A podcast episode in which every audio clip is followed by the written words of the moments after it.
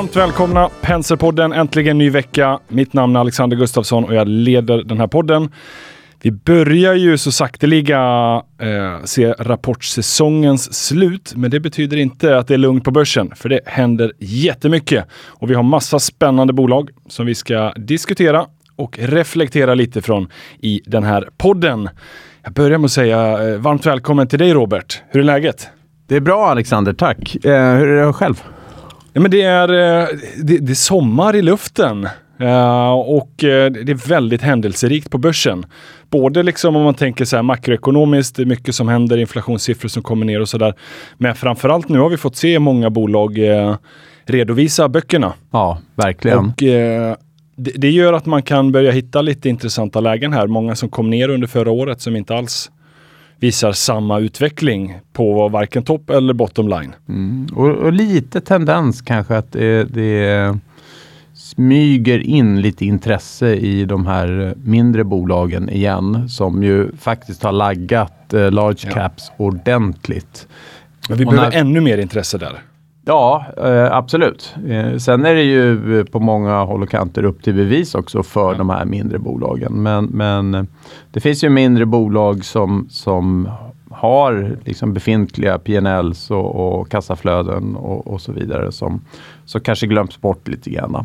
Men sen ska man ju komma ihåg också apropå rapportperioden att, att du nämnde att den börjar liksom närma sig sitt slut. Men faktum är att för oss så är nog det här bland de lite mindre bolagen än den intensiva perioden. Det som ligger lite efter large caps. Så att eh, eh de har mycket att göra alla på teamet.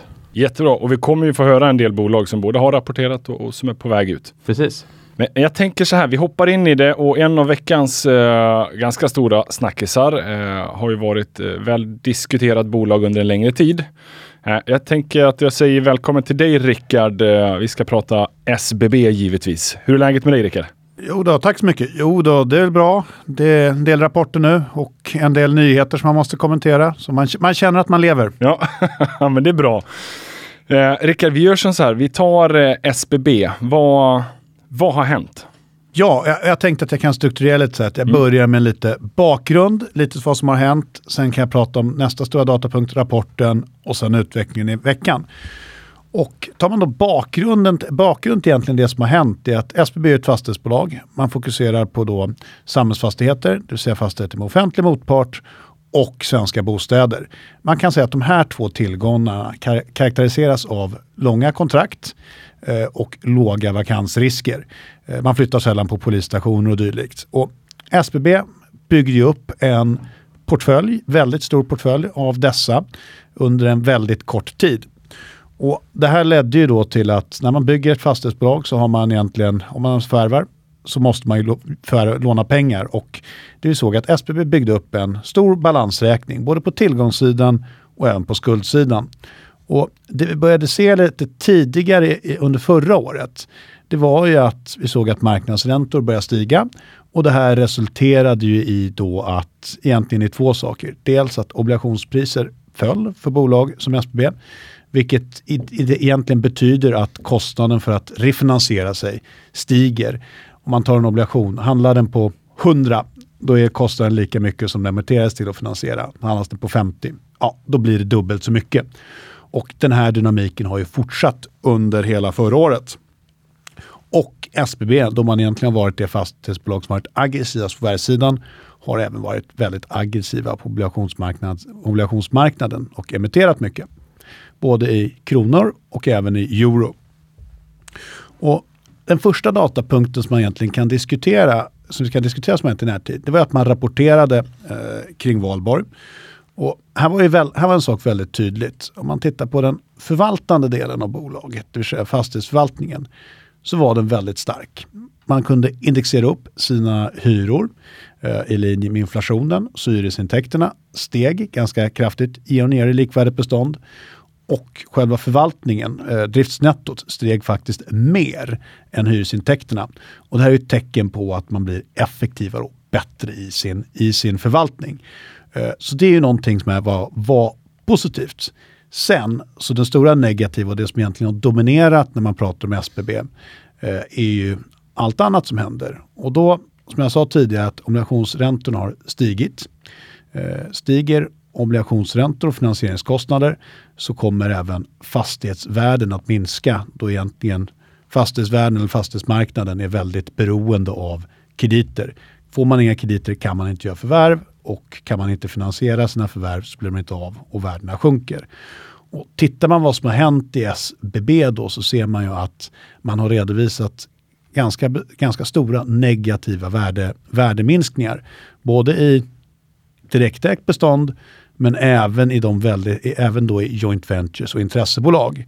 Och är man belånad så får ju det följden av att det egna kapitalet minskar snabbare än vad eh, den procentuella satsen i tillgången är. Just eftersom det finns en, både en positiv hävstång och en negativ hävstång. Och den här negativa hävstången gör ju att trots att SBB har gjort en hel del avyttringar, man säljer tillgångar, så får man inte ner skuldsättningen just för att det egna kapitalet minskar på grund av värdeökningar i en samma eller till och med något högre takt än vad man kan minska skulderna.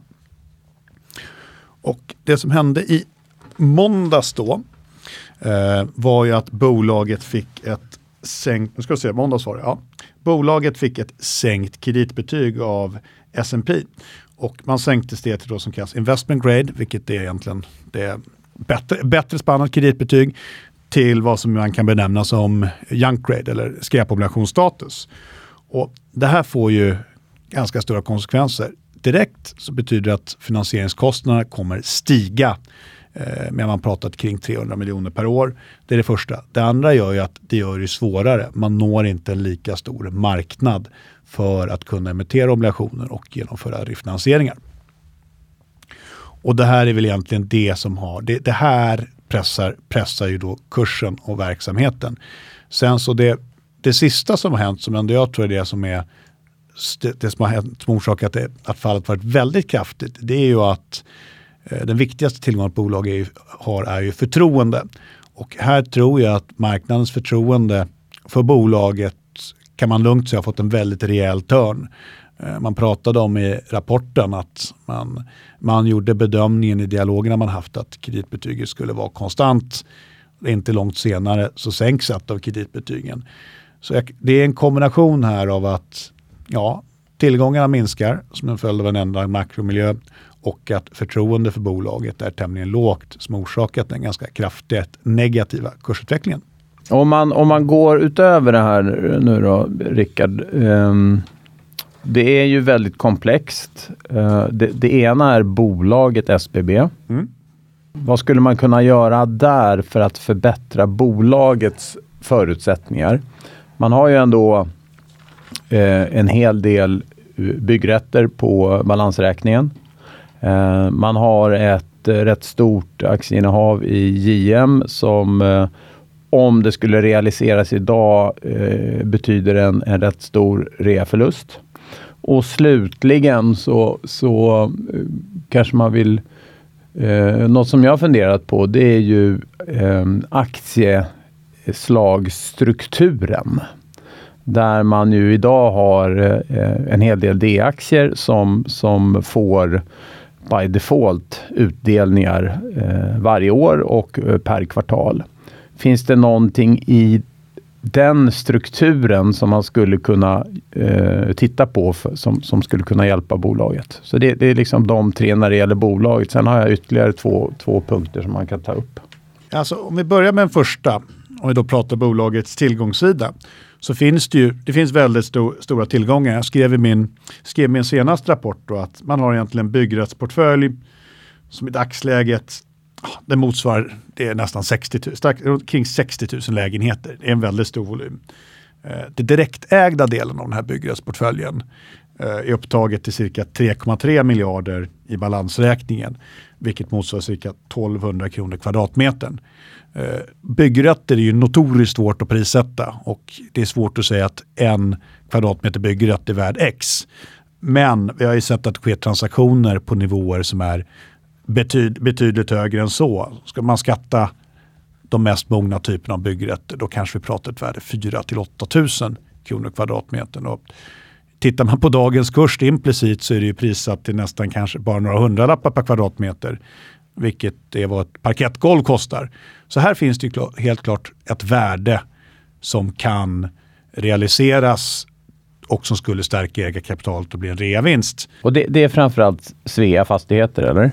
Ja, Svea Fastigheter är ju, det, det, är ju en stor del av byggrätterna och i samband med bolagets Q4-rapport så diskuterar man, så sa man ju att man planerar att börsnotera eh, Svea Fastigheter. Och Svea Fastigheter då eh, skulle ju haft ett ja, tillgångsvärde på där man, pra, man pratade om kring 16, 16 miljarder. Och där, det här är då främst bostadsfastigheter och bostadsbyggrätter i Mälardalen. SBBs ägande ska sägas att man pratade om det här vid årsskiftet. Det är såklart att det har utvecklats en del. Pratar man då skulle vara cirka 8 miljarder. Och det kan man ha åtanke att det är ju väldigt nära vad market cap är i dagsläget. Så ja, skulle, skulle det här avyttras till ett bra värde så skulle det vara väldigt positivt för, för bolaget och skulle kunna definitivt eh, sänka då nettoskulden och skuldsättningen. Tittar man på aktieslagen du pratade om så har ju SBB en tämligen komplex aktieslagsstruktur. Eh, du har stamaktier A, B och D. Det som skiljer de här åt är för första röster. A-aktierna är starkast, starkast. B kommer sen och sen D-aktierna har en väldigt liten röst, röstandel. Eh, sen så är det då rätt till utdelning och då är det så att D-aktien har en rätt till utdelning motsvarande fem gånger stamaktien, dock max två kronor.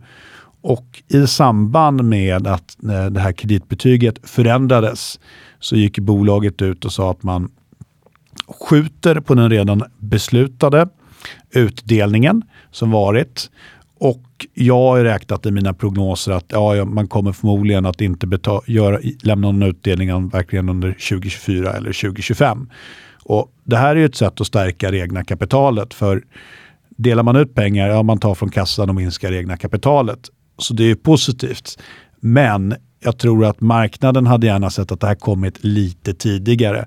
Nu kommer det i ett väldigt, vad säger man, verkligen i elfte, i elfte timmen och detta i kombination med att man i samband med, bok, med Q1-rapporten sa att man skulle göra en emission av D-aktier som man nu ställer in. Ja, den här emissionen av D-aktier, det tar ungefär ut, det skulle stärka det egna kapitalet ungefär give or take lika mycket som de sparade utdelningarna gör. Så ja, det är, det är en komplex struktur. Och det pratas ju väldigt mycket och teorier om vad bolaget skulle kunna göra. Och en möjlig teori som då skulle kunna stärka bolaget. De här D-aktierna har ju en rätt till utdelning före stamaktierna. Eh, och det som folk pratar om är att ja, men de kan eventuellt komma att stamplas om till stamaktier. Då får man en enklare, då får man en enklare kapitalstruktur.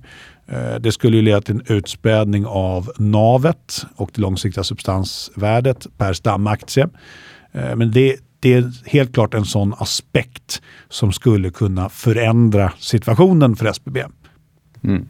Det, det, andra är ju att, att uh, huvudägaren uh, har det ju lite jobbigt nu förstås. Uh, hur, hur, hur ska man se på, på den situationen? Ja, det, det, är en väldigt krånglig situation. Man kan ju säga att det som tidigare kanske var bolagets absolut styrka, det vill säga ledningen och huvudägaren, kan nu ha, kan eventuellt ses som vara en, var en belastning. För det blir ju att om man bara ska säga vad som sades i marknaden så pratades mycket om att anledningen att man inte sköt på utdelningarna eller ställde in dem var för att man hade en huvudägare som behövde dem. Och det är ju inte ultimat att ett bolag styrs efter kanske den största ägaren snarare än alla aktieägare. Så det, har ju varit en det var ju en problematik när det började bli mer eh, stökigt på marknaden för fastighetsbolag. Och sen den sista, som ju, sista punkten som ju kanske inte är, eller den är inte uh, fundamental, men det här är ju en aktie med, med 300 000 eh, aktieägare. Uh, det vill säga många småsparare. Uh, jag såg att Avanza uh, häromdagen tog ner belåningsvärdet uh, rätt ordentligt i aktien. Och en, en gissning är ju att det här tvingar ju fram flöden eh, som är på, på säljsidan helt enkelt. Och, och som rimligen sätter eh, ytterligare press på aktien. Mm det och sen i kombination med att om man gräver lite och tittar lite som jag såg om man tittar på Holdings, för vår databas för, för ägardata på aktier, så ser man att det har funnits en hel del aktörer eh, och fonder och dylikt som har namnet dividend i sig. Och för dem blir det ju svårt att behålla en position i en aktie som inte betalar en utdelning. Så ja, det finns helt klart flödesaspekter som påverkar aktien. Mm. Och de flödena är ju, eh, om man tänker sig liksom blankning och annat, driver ju på även det. Verkligen. Var jättebra förklarat Rickard. Det kommer, eh, jag tror att sista ordet är inte sagt om SBB, men eh, väl förklarat. Det eh, blir till fortsatt följa. Jag tänker att vi ska gå vidare, för vi har många bolag vi vill prata om. Men stort tack för det Rickard. Jag tänker att vi kanske ska prata lite Rake. Ja, exakt. Vi ska prata RakeTech. RakeTech är ett, ett av våra accessbolag. Eh, aktien stängde igår, de rapporterar idag, kring eh, 20 kronor och vi ser ett värde på 31 till 33 kronor. Eh, RakeTech är ett så kallat affiliatebolag, det vill säga att man driver trafik och kunder från hemsidor till speloperatörer. Och det här gör man globalt. Man äger bland annat en tillgång som fokuserar på den indiska cricketligan. Och Bolaget rapporterar idag. Man omsatte 15,8 miljoner euro, vilket motsvarar en organisk tillväxt på 24 procent. Och det här var cirka 8% starkare eh, organisk tillväxt year on year än vad vi räknar med för hela 2023 för att nå våra helårsestimat för 2023. Eh, tittar man på ebitda så var det också väldigt starkt. Det uppgick till 6,1 miljoner euro och det också är starkare än vad som krävs för att nå våra helhetsestimat. Eh, jag lyssnade på kolet och pratade med bolaget nu på morgonen. Och man säger att, och upprepar den guidning man sa i samband med slutet av året, att vi kommer nå en omsättning på 60-65 miljoner euro och en ebitda på 20-24 miljoner euro. Och här ska man i åtanke att våra, våra estimat i den rapporten har omsättning på cirka 61 miljoner euro och ebitda på 22 miljoner euro. Eh, så sammanfattningsvis en väldigt stark rapport. Eh, jag har noterat att RakeTech har handlat lite svagare än övriga affiliates eh, så här långt i år.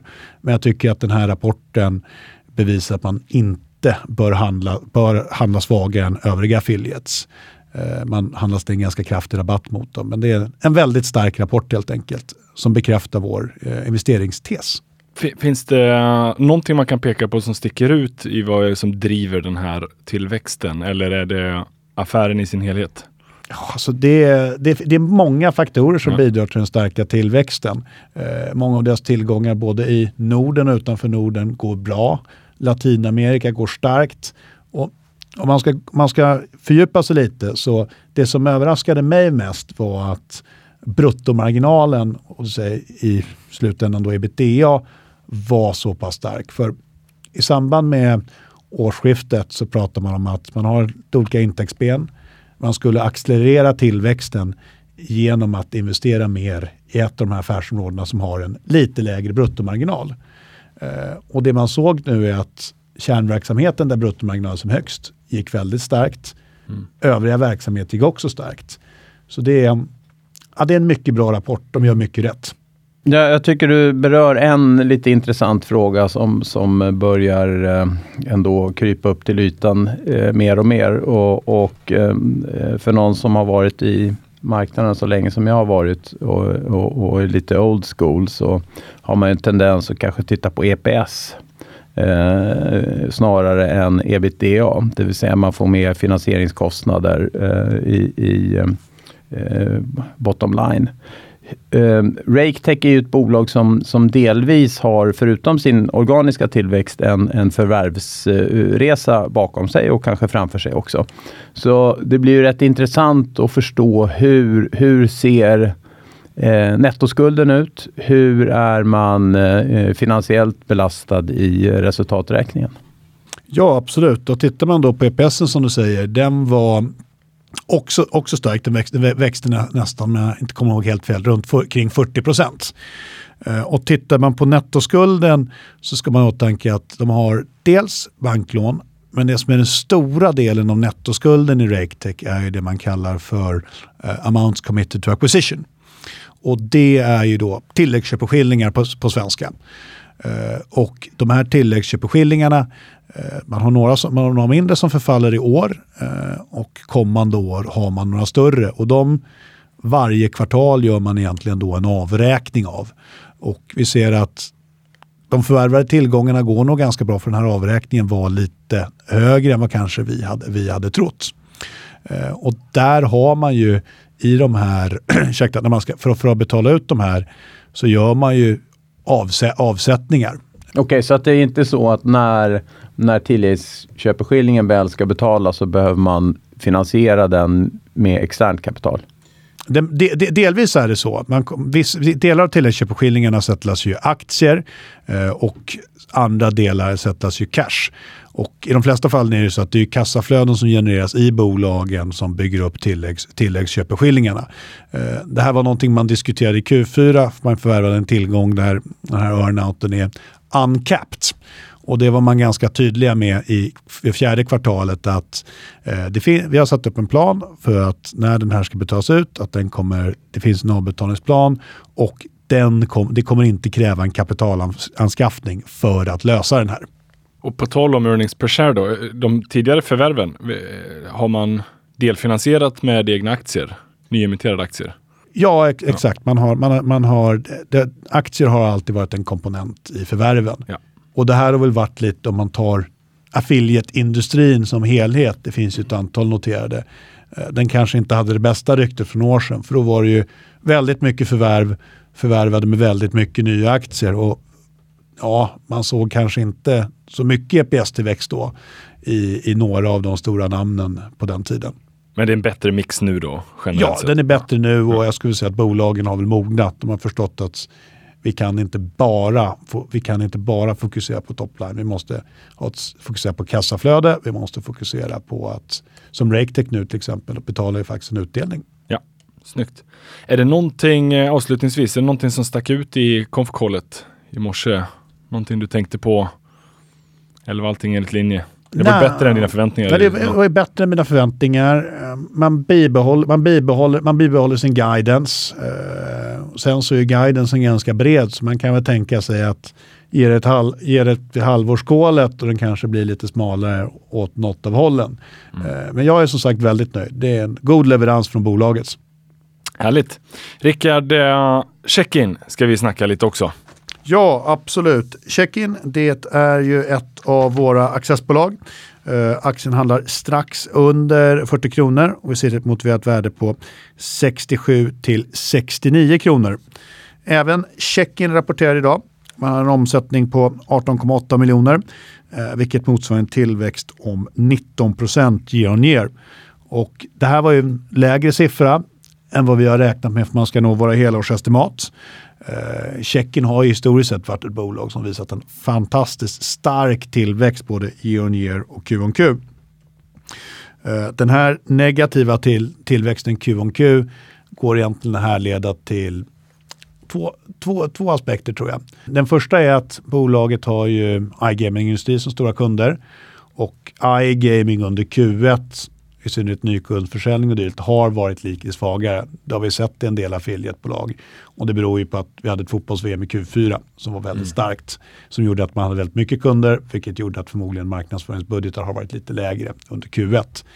Så det, påver det påverkar dem.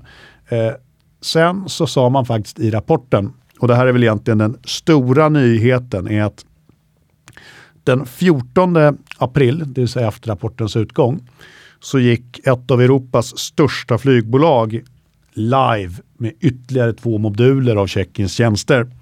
Mm. Och man, det är svårt att säga hur mycket, vad, vad det är, hur mycket det här kommer ge, men vid årsskiftet stod resande, då travel som segmentet heter, för 4% av omsättningen.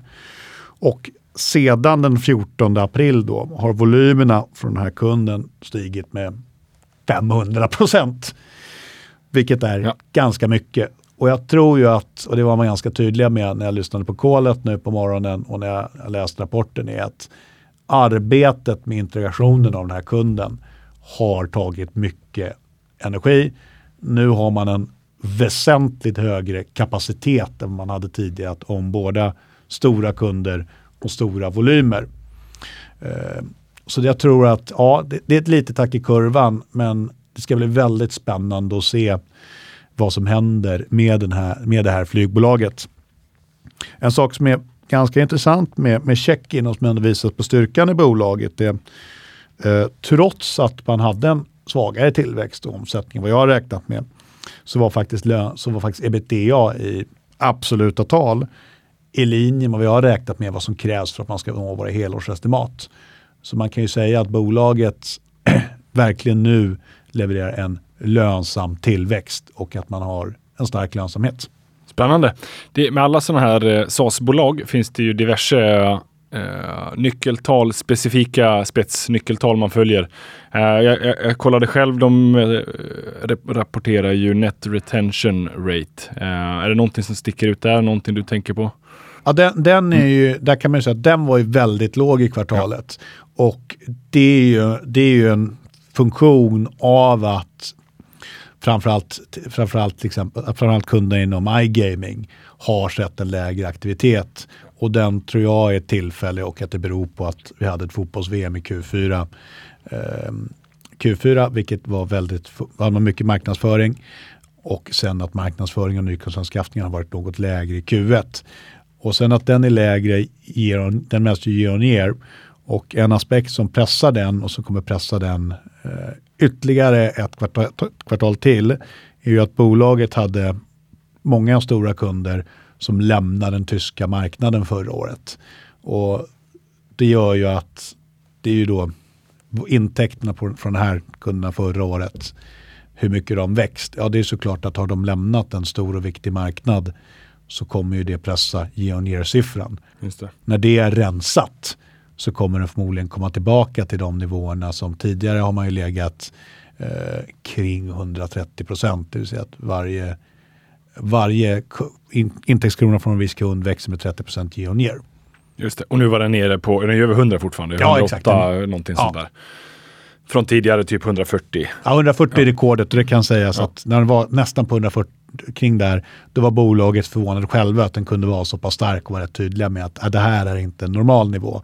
Den kommer komma ner något. En normal nivå så att det är någonstans mellan 120 till 130 procent. Ja, just det. Eh, ger man någon form av, eh, så här mellan raderna, eh, den här st stora kunden, flygbolaget, det är ju en stor option när sådana här dyker upp. Eh, har man fler sådana på gång eller är det mer eh, ja, det alltså, händer när det händer?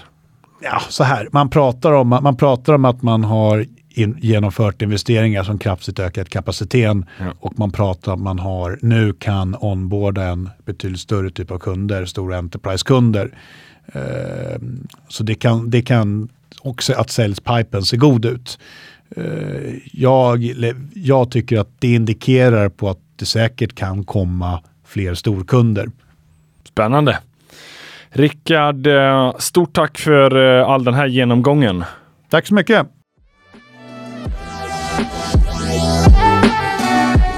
Och jag kastar in i studion Hugo, hur är läget? Ja, men det är bara bra tycker jag. Härligt.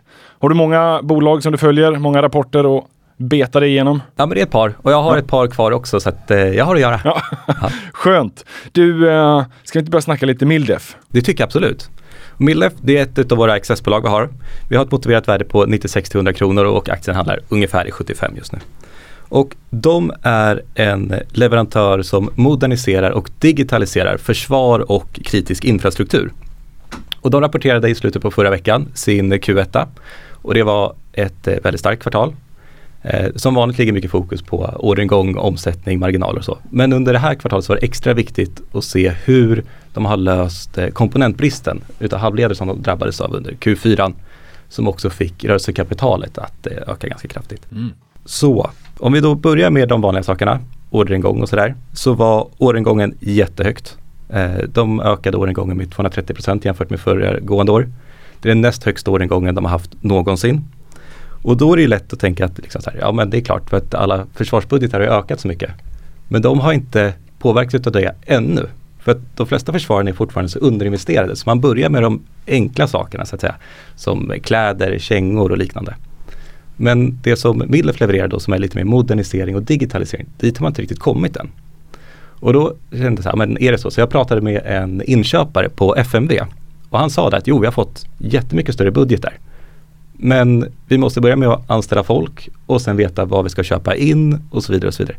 Så att än så länge har de inte hunnit börja lägga så mycket order på den här större budgeten de har fått. Så att vi tror att vi har mer att se framför oss även i den här orderingången. Då. Och när vi ändå är inne på det här området med lite framtida orderingång så fick vi en nyhet från Danmark som ökar sitt eh, försvarsbudget med eh, ungefär 40 miljarder danska kronor de kommande tio åren. Och de är öronmärkta för just modernisering och digitalisering av deras försvar. Och det här är ju en kanonnyhet för Mildef. För att de har precis startat upp ett dotterbolag i Danmark och de har levererat till Dalo som är danska FMV under ungefär tio års tid. Så att de har väldigt bra kontakter där inom Danmark. Så att det ser fortsatt eh, positivt ut på orderingångssidan. Här ska man med sig då att ordrarna är rätt stora så att beroende på vilken sida av ett kvartalsskifte de kommer så kan det komma att slå ganska mycket mellan kvartalen. Men den långsiktiga trenden är fortsatt väldigt positiv. Och det här är ju ett, ett jag tycker det är spännande för det, det, man stö, vi stöter ju på bolag ibland där vi vet, alla andra vet att kvartalen är volatila. Och ändå så blir det, eh, eller kan bli, väldigt stora reaktioner på eh, kvartalsavvikelser. Eh, så, så, så, att det är värt att påminna om att glöm inte bort att eh, titta på den långsiktiga trenden och eh, kanske lägg eh, kvartalsutvecklingar i, i andra division. Ja men det är ju exakt ja. så. Och det är därför jag tycker att det är så viktigt att man pratar om den här långsiktiga trenden i hur hela försvarsindustrin då, som de är framförallt inriktade mot rör sig framåt och hur investeringarna kommer och ökar. Men, men den uh, orderingången och att de, man bygger större orderingång, det är inte på grund av att det är komponentbrist utan tvärtom snarare. Det har löst sig och, och ändå bygger man san, som bra orderingång. Ja men precis. Ja. Så orderingången det kommer från eh, nya order nu så att säga. Sen så håller de på att beta av orderstocken också då, som ökade på grund av komponentbristen. Men där har de nu sett eh, ljusningar och eh, de gynnas istället av att det kanske är en lite svagare ekonomi generellt sett. Medan de har jättehög efterfrågan, då får de lättare att få tag på sina komponenter för att de har mindre konkurrens från andra som ska köpa samma komponenter. Då. Så att det är snarare att de kanske ser att de till och med gynnas av att det är en lite svagare ekonomi. Ah, okay. Så att eh, det är också en av grejerna till att man ja. hade en väldigt hög omsättning då under Q1. Eh, den ökade 100% 78 organiskt.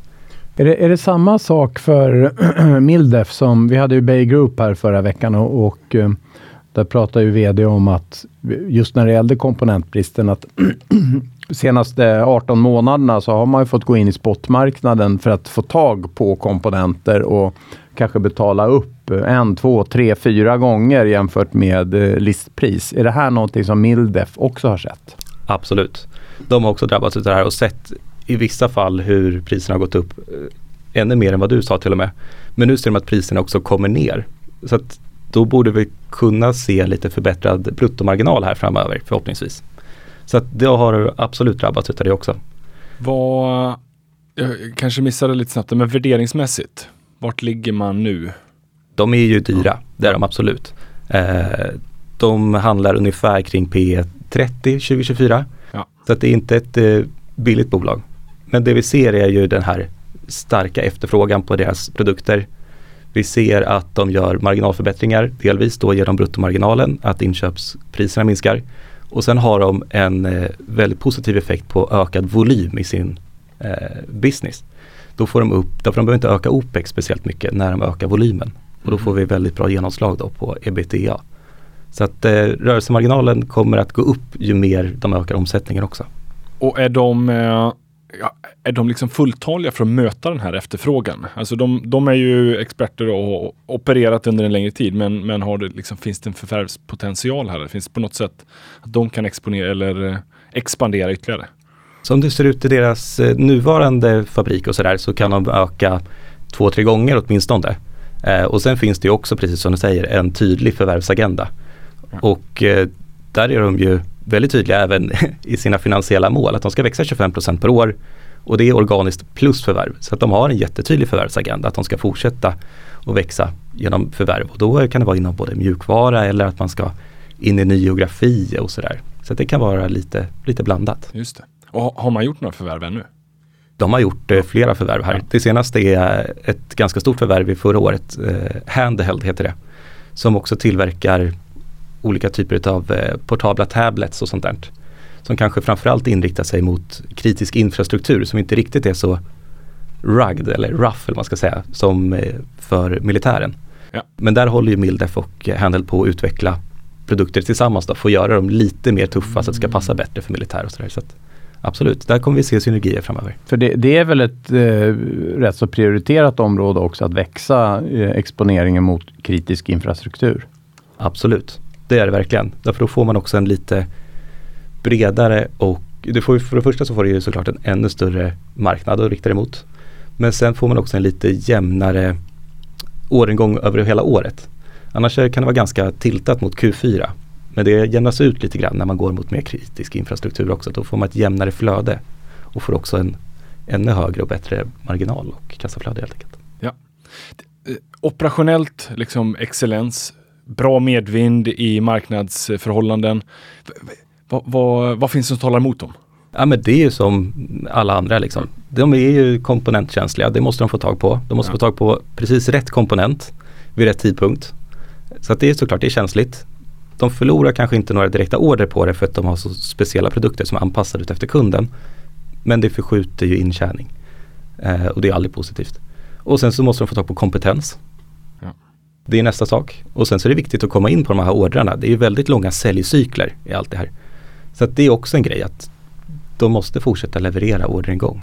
Du, komponentbristen, eh, har den på något sätt negativt påverkat kapitalbildningen? För man kan tänka sig att eh, Mildef har varit tvungen att köpa på sig mycket komponenter eh, å ena sidan. Å andra sidan så har man kanske stått med mycket halvfärdiga eh, slutprodukter för att det är brist på andra komponenter och, och därmed så bygger man varulager.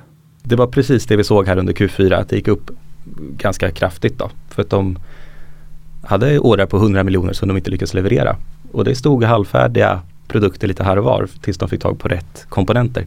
Så att den såg vi också att det kom ner nu. Rörelsekapitalet minskade framförallt i andel av omsättning så kom det ner jättekraftigt under Q1. Så det är positivt. Det var precis det vi ville se. Så att det ser också bra ut. De har en del kvar att leverera under Q2 här från Q4. Så att det är fortfarande ganska hög eh, kapitalbindning men inte några konstigheter än. Och det går åt rätt håll framförallt. Spännande. Hugo, eh, stort tack för det. Vi, eh, vi ska snacka lite CAG också. Ja, precis. Eller CAG. Ja. Beroende på hur man vill uttala det. Det är också... Är det inte CAG Group också? Jo, jo. egentligen är det. vad står G för då? Den står inte för Group eller? Nej, jag sätter mig på pottkanten här. ja. ja, ja. CAG i alla fall. CAG Group. Precis. Det är också ett accessbolag. Vi har ett motiverat värde på 120-123 och de handlar just nu i 118 ungefär. Mm. Och det är ju en IT-konsult som eh, främst inriktar sig mot segmenten också försvar, eh, bank och finans och offentlig sektor. Och CAG gynnas ju av den här digitaliseringsomställningen som ja, fortfarande håller på i, i hela samhället. Den trenden rider de på. Ja. Och de rapporterade också sin Q1 här för ett litet tag sedan. Och det ser fortsatt eh, bra ut. De ökar både omsättning och marginal, jättefint. Så att eh, de ser verkligen att den här efterfrågan på deras tjänster inom just digitaliseringen från de här tre huvudsegmenten ja. är fortsatt väldigt stark. Om vi då tittar på de här tre segmenten vad de har. Vi har försvar som vi precis har pratat om. Det går väldigt bra för dem. De får utökade budgetar. De ska börja köpa in saker. De saknar också då kompetens för hela den här digitaliseringstrenden och de ökade kraven på dem. Och det tar man då in via konsulter bland annat och det gynnar ju CAG som är exponerade mot det här så att de ligger perfekt där. Och sen har vi bank och finans. För bank i alla fall så går det ju tämligen bra nu. De har tjänat ganska bra pengar på att räntan går upp här. Och de drabbas också av ökade krav på kravefterlevnad inom både anti-money laundering och allt vad det är. Och att de också måste digitalisera sitt arbete. Och där levererar ju CAG både tjänster och produkter för det här. Och sen har vi offentlig sektor och det är ju som alltid relativt stabilt. Ja. Och där vet vi också att det finns en del eh, digitaliseringsutveckling för att göra. Så att säga. Och ingen av de här segmenten sticker ut egentligen va? Jag för mig de är ganska väl fördelat i vad gäller intäkter och, och resultat. Ja, det är... Så det är eh, en bred diversifiering i både kunder och kompetensområden. Det är det, absolut. Det är eh, kanske till och med att vi ser att det är lite tiltat mot eh, försvarssektorn. Ah, okay. Och den växer också lite snabbare än de andra. Ja. Mm. Och vilka marknader är man verksamma på? Är det Sverige eller? Det är framförallt Sverige, det är lite Finland, lite Norge, men det är Sverige som är huvudmarknaden. Eh, Och det finns mer att, gräva där man står eller planer på att expandera?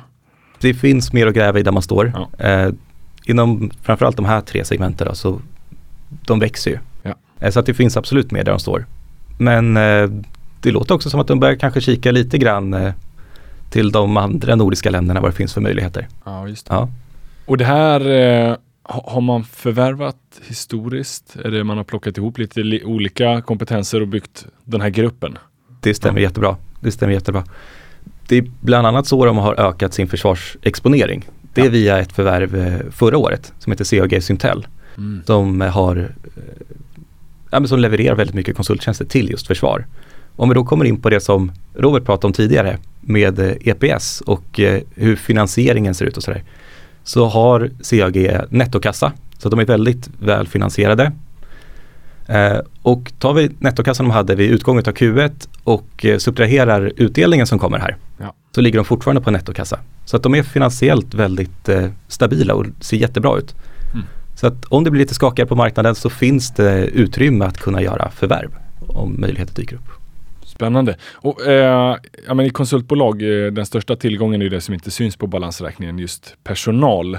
Men, eh, men om vi pratar ändå balansräkning, vad, vad, vad, liksom, vad kollar du på? Utöver nu då att man har en stark nettokassa. Finns det någonting mer att anmärka på CAG? Inte sådär på rak arm som jag kommer att tänka på. Utan Nej. det är ju där belåningen såklart som jag tittar på. Eh, så att den inte sticker iväg för mycket just med de här högre räntorna nu. Eh, så att den tycker jag, ja, men jag tycker balansräkningen ser bra ut liksom. Ja. Ja. Det man ska ha med sig inför Q2 det är att det är några färre dagar Q2 i år jämfört med föregående år. Så att ska man göra en ren eh, jämförelse bara topline mot föregående år så eh, är det några färre dagar. Och det drabbar ju såklart konsulterna som debiterar på timme. Men, men det är fortfarande 365 dagar på ett år. Ja, ja, ja. Så att den långsiktiga trenden ser fortsatt eh, bra ut. Precis, kommer lika många dagar nästa år även. Ja, precis. Vad, finns det någonting, eh, någon motvind eller någonting sånt man ändå bör belysa? Någonting när du kollar på bolaget?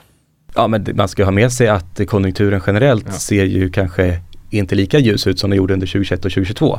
Nej. Eh, Men jag tänker försvar, bank och offentlig sektor.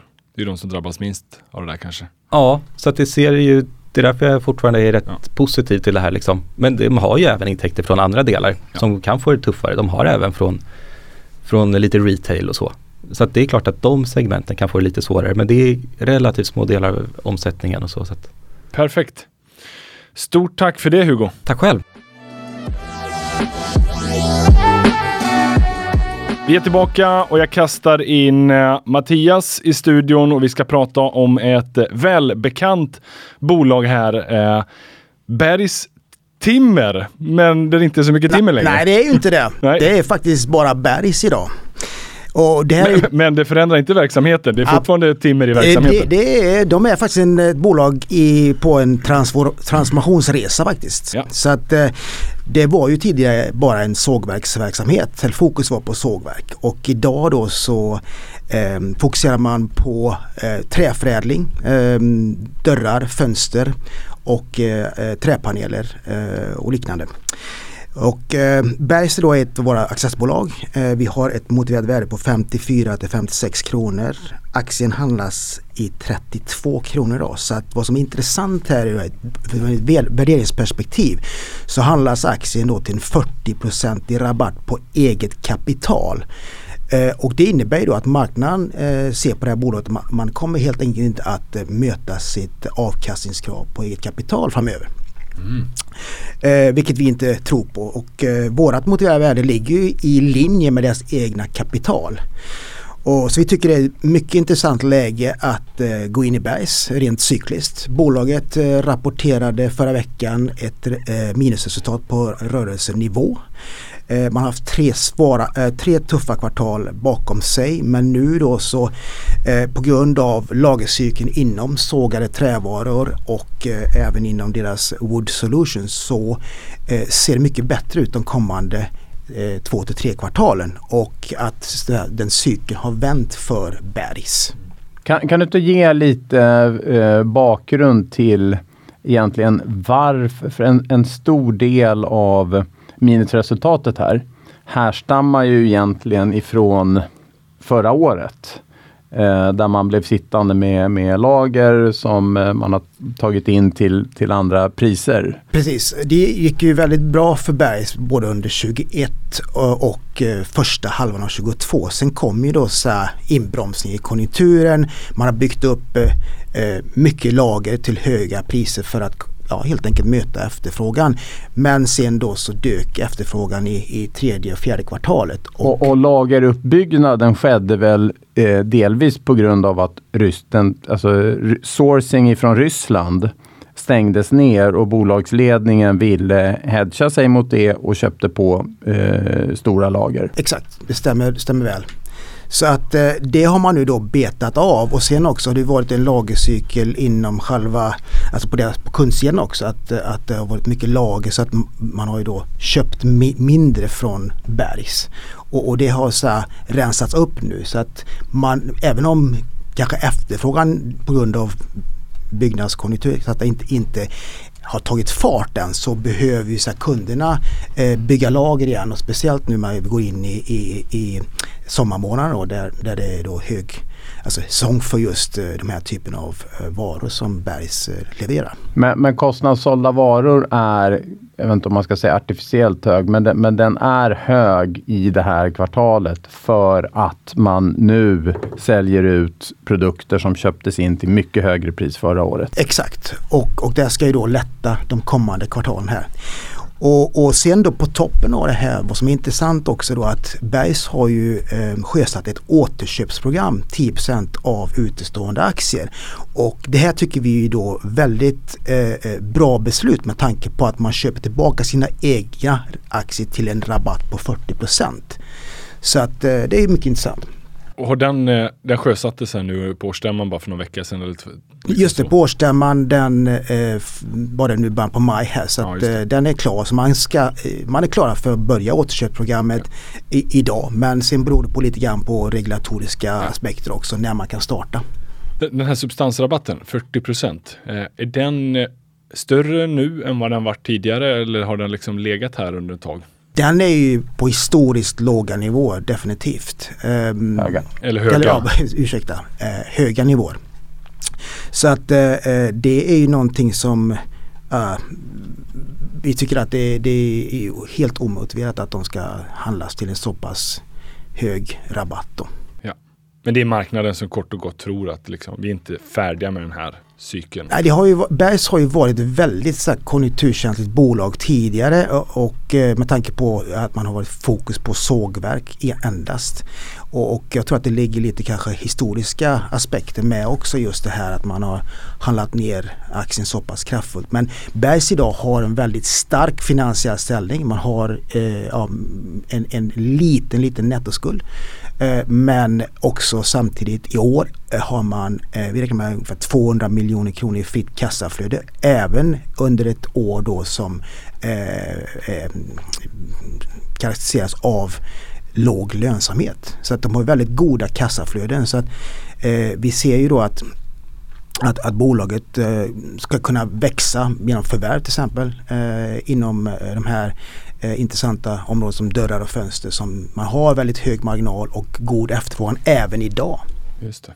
De, de här 200 miljonerna i fritt kassaflöde, vad, om man sätter det i relation till säg ett 2021, vad ungefär Ja, 20, eh, om man sätter relation till de senaste tre åren så har man legat på i snitt ett fritt kassaflöde på 200 miljoner. Så att de senaste tre åren så har man genererat, om man tänker börsvärdet idag, 1,2 miljoner, eh, 1,2 miljarder. Och de senaste tre åren då, eh, 2021 och 2022 så har man genererat ett fritt kassaflöde på eh, cirka 600 miljoner kronor. Det är halva börsvärdet. 21, 22, 23. 21, 22, 23. Nej, nej, 20, 21, 22. 2021. Och 23 räknar vi att man lyckas med ytterligare 200. Och vart är man verksamma idag? Är det liksom pr- primärt Sverige eller Norden?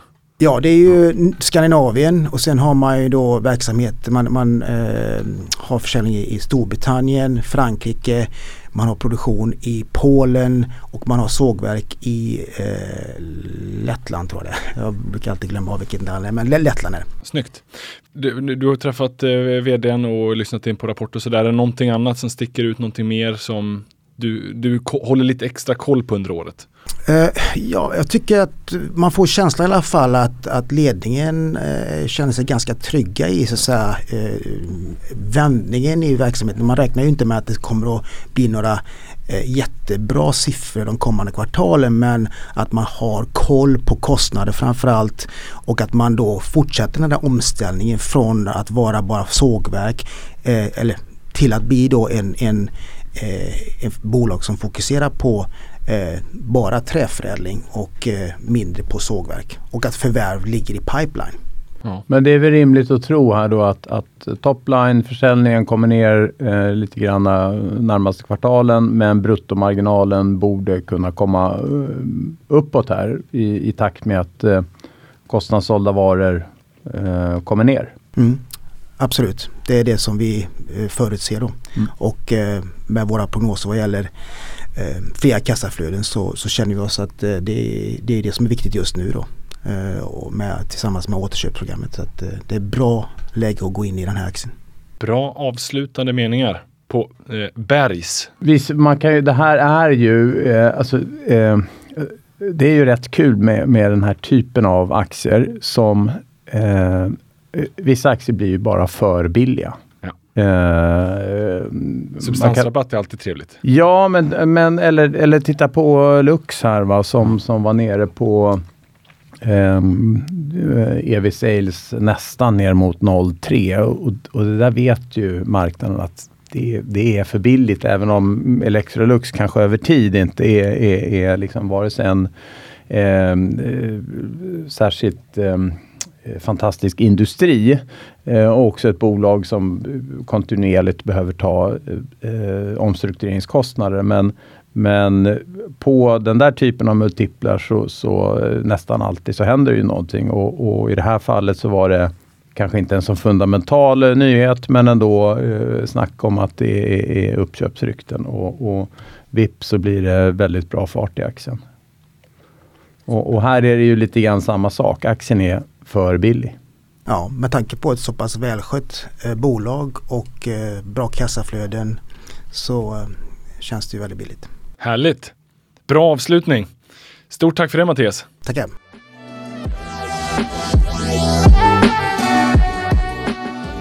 Jag säger välkommen in i studion Ludvig. Ja, tack så mycket och kul att få podda med dig här för första gången. Nej men du detsamma. Eh, och det är absolut inte sista gången. Nej, det hoppas vi inte. Du, det är massa spännande bolag vi ska prata om här, men vi börjar med Coreline tycker jag. Ja, precis. Eh, Coreline, det är då ett accessbolag som vi har där vi har ett motiverat värde på 38 till 40 kronor per aktie och senast betalt var väl runt 16-17 nu innan, innan eh, vi började spela in. Eh, så lite kort bara för att reminda liksom vad de här håller på med. Då ytbelägger de medicinska implantat och organ med heparin, som är en väldigt välkänd substans för att de här ska accepteras bättre i kroppen. För det kanske man har hört talas om att liksom, när man sätter in något i kroppen, då försöker kroppen stöta ifrån, så att säga. Så det är själva liksom, teknologin i bolaget. Det som har hänt nu då, anledningen till att jag vill prata om det här, det är att de har fått ett så kallat uppgraderat avtal. De har redan haft ett avtal med den här spelaren då, Imperative Care, ett stort medtechbolag i USA. Eh, men nu har de fått en mer, ett mer commitment av dem kan man säga. Tidigare hade de bara ett utvecklings och forskningsavtal, men nu går det här lite mer seriöst och det kommer handla om större volymer och man guidar för att man då kommer inom ramen för det här avtalet få ungefär 150 miljoner kronor i intäkter årligen när det här är fullt utvecklat. Då. Så att det här utgör ju en väldigt stor potential och det kommer egentligen inte liksom med några direkta kostnader för, för Coreline då, utan det är, det är väldigt, eh, väldigt hög ebit-marginal på det här. Och när är det det? Fullt utvecklat? Ja, Eh, där har vi, jag tror vi har varit ganska konservativa där och räknat på att det här kommer bli fullt utvecklat 2029. Eh, så då kommer man uppnå de här 150 miljoner kronorna. Och eh, det här är ganska konservativt tror jag. Vi är ju 2023 idag. Sen ska man ju utveckla det här lite till. Man ska få godkänt på produkten och sen är det ju en ramp-up-kurva då tills de här eh, 150 genereras då för Coreline. Förhoppningsvis, om man då kommer upp i de volymerna. Men redan 2023 så väntas man få ungefär 20 miljoner kronor drygt från det här avtalet då, i form av att de ersätter utvecklingskostnader till Coreline. Så det är inte direkt försäljning. Så. Förklara för mig här som är lite okunnig. Tidigare avtalet var ju kring 30 Ja. och sen liksom utökar man till 150 och nu pratar vi om 2029 att man har fullt utvecklat det. Vad är liksom, uh, det där kan ju stegras då förutsatt att det fortsätter att falla väl ut vad gäller tester och så. Ja, absolut. Det är ju en liksom om... Eh, de, de får ju information från Imperative Care, liksom vad de guidar för den här produkten. Sen är det någon form av royalty och ersättningsnivå där. Så att eh, Ehm, det är ju det, absolut, det kan ju bli mycket mer. Och sen så ska man komma ihåg att liksom, sen växer ju liksom segmentet i sig kanske 5, 6, 7, 8 procent per år. Så att från den nivån så kan man ju se ytterligare tillväxt. Och det är väl sannolikt om avtalet funkar bra att man liksom binder dem ännu längre så att säga.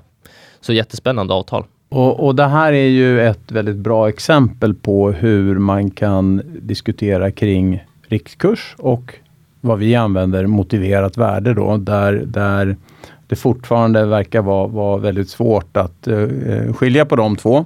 Eh, så att i eh, Ludvigs motiverade värde som är mer än 100% över dagens kurs. Det bygger ju på någon form av kassaflödesanalys ända fram till 2029. Eh, så att vi, vi, vi, ut, vi har ju inte någon uppfattning om egentligen hur en aktie i, i accessvärlden ska utvecklas kommande 6 eller, eller 12 månader och har definitivt ingen riktkurs eh, under det, den tidsperspektivet. Utan vi, vi ser ju på eh, en aktie i ett mycket längre perspektiv. Framförallt när det gäller den här typen av bolag. Sen kan ju vi ha fel i estimaten. Eh, någonting dyker upp på resans gång. Estimaten måste skruvas ner eller upp. Eh, det blir inte de här 150 miljonerna 2029. Ja, men då faller ju hela liksom, det motiverade värdet. Men i, idag i eh, Coreline så är det ju liksom svårt att eh, eh, liksom sätta ett, ett dagsvärde på samma sätt som man kan göra för ett Atlas eller ett, ett eh, Volvo. Mm. Nej, men det var väldigt bra sammanfattat. Och det är lite kul för att det har varit ganska låg likviditet i den här aktien historiskt sett, men nu, nu märker man verkligen att det börjar handlas lite mer efter det här avtalet. Folk kan säkert räkna på det här på ett annat sätt och, och det verkar som att marknaden har fått upp ögonen för det här bolaget och det, det tycker jag verkligen är välförtjänt. Det här har en liten annan profil än många andra tidiga life science-bolag som man kallar för de här är ju nästan lönsamma. Mm. Eh, i princip. Och det är ju rätt ovanligt. Då. Man förknippar ju oftast de här tidiga life, life science-bolagen med att man bränner massa pengar och det är emissioner hela tiden och så vidare. Men, men det, här, eh, det här eh, ser bra ut, speciellt i de här tiderna där kapitalmarknaden är lite mer svajig. Och vart befinner sig bolaget då operationellt? Vad, vad är fokus just nu och vad kommer att vara fokus kommande år och två år? Mm. Så fokus eh, just nu, det är egentligen på den här medicinteknikdelen då. Mm. Och sen har de ju ett annat ben som jag inte har pratat om nu, där de har ett, ett biotechprojekt egentligen. De har ett läkemedelsprojekt där de ska utveckla eh, det här för njurar. Jag nämnde tidigare att man kan lägga det här på organ också och det är det de ska testa nu på njurar. Så att innan en njurtransplantation så ska man då lägga det här läkemedlet i den här vätskan som man lägger organet i och sen ska det då eh, accepteras bättre i kroppen när man då har transplanterat organet så att säga. Så man behandlar det ex vivo utanför kroppen och sen så sätter man in njuren och då ska det accepteras bättre. Och där håller man på att förbereda för en fas 2-studie som vi väntar oss kommer igång någon gång tidigt Q3 skulle vi tro. Ja, kanske mitten Q3. Ja. Och har man, eh, det var ju en stark reaktion på, i kursen på, på den här nyheten. Eh, vad, du pratade lite om likviditeten har varit låg. Vad, vad tror du liksom, vad, vad kommer att vara viktiga milstolpar här under året som du håller koll på? Mm. Nej men jag tror absolut man ska följa rapporterna för Mm. försäljningen det blir ju liksom ett kvitto på hur, de har ju andra avtal som jag inte riktigt har kommit in på nu men eh, som också har väldigt stor potential, inte riktigt lika stor potential som det här men eh, försäljningen, att den ökar är någonstans ett kvitto på att man ser en ökad aktivitet gentemot kunderna. Så att det ska man ta som ett positivt tecken att de här 150 och respektive de här potentialerna faktiskt kommer nås.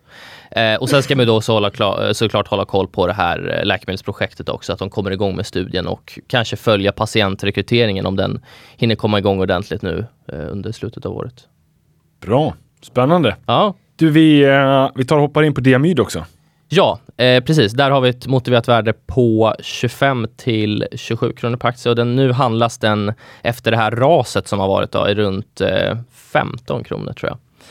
Eh, accessbolag är det också. Så de har ju egentligen två projekt. Eh, de har ett ledande projekt som, eh, som är en eh, immunoterapi egentligen. Eh, Diamyd som de har en registreringsgrundande studie för som de kör nu. Och sen har de också Remygen som är ett jättemycket tidigare projekt som de nu har utvärderat i en fas 1-2-studie. Och det är resultat från den här som kom då i sent, sent igår egentligen vid femtiden. Och här kunde man då se att det fanns en väldigt god säkerhetsprofil, alltså patienterna accepterade det här, det var inga allvarliga bieffekter. Men däremot så kunde man inte se liksom någon långvarig effekt på C-peptid som är den liksom markören som man mäter effekt på inom den här studien.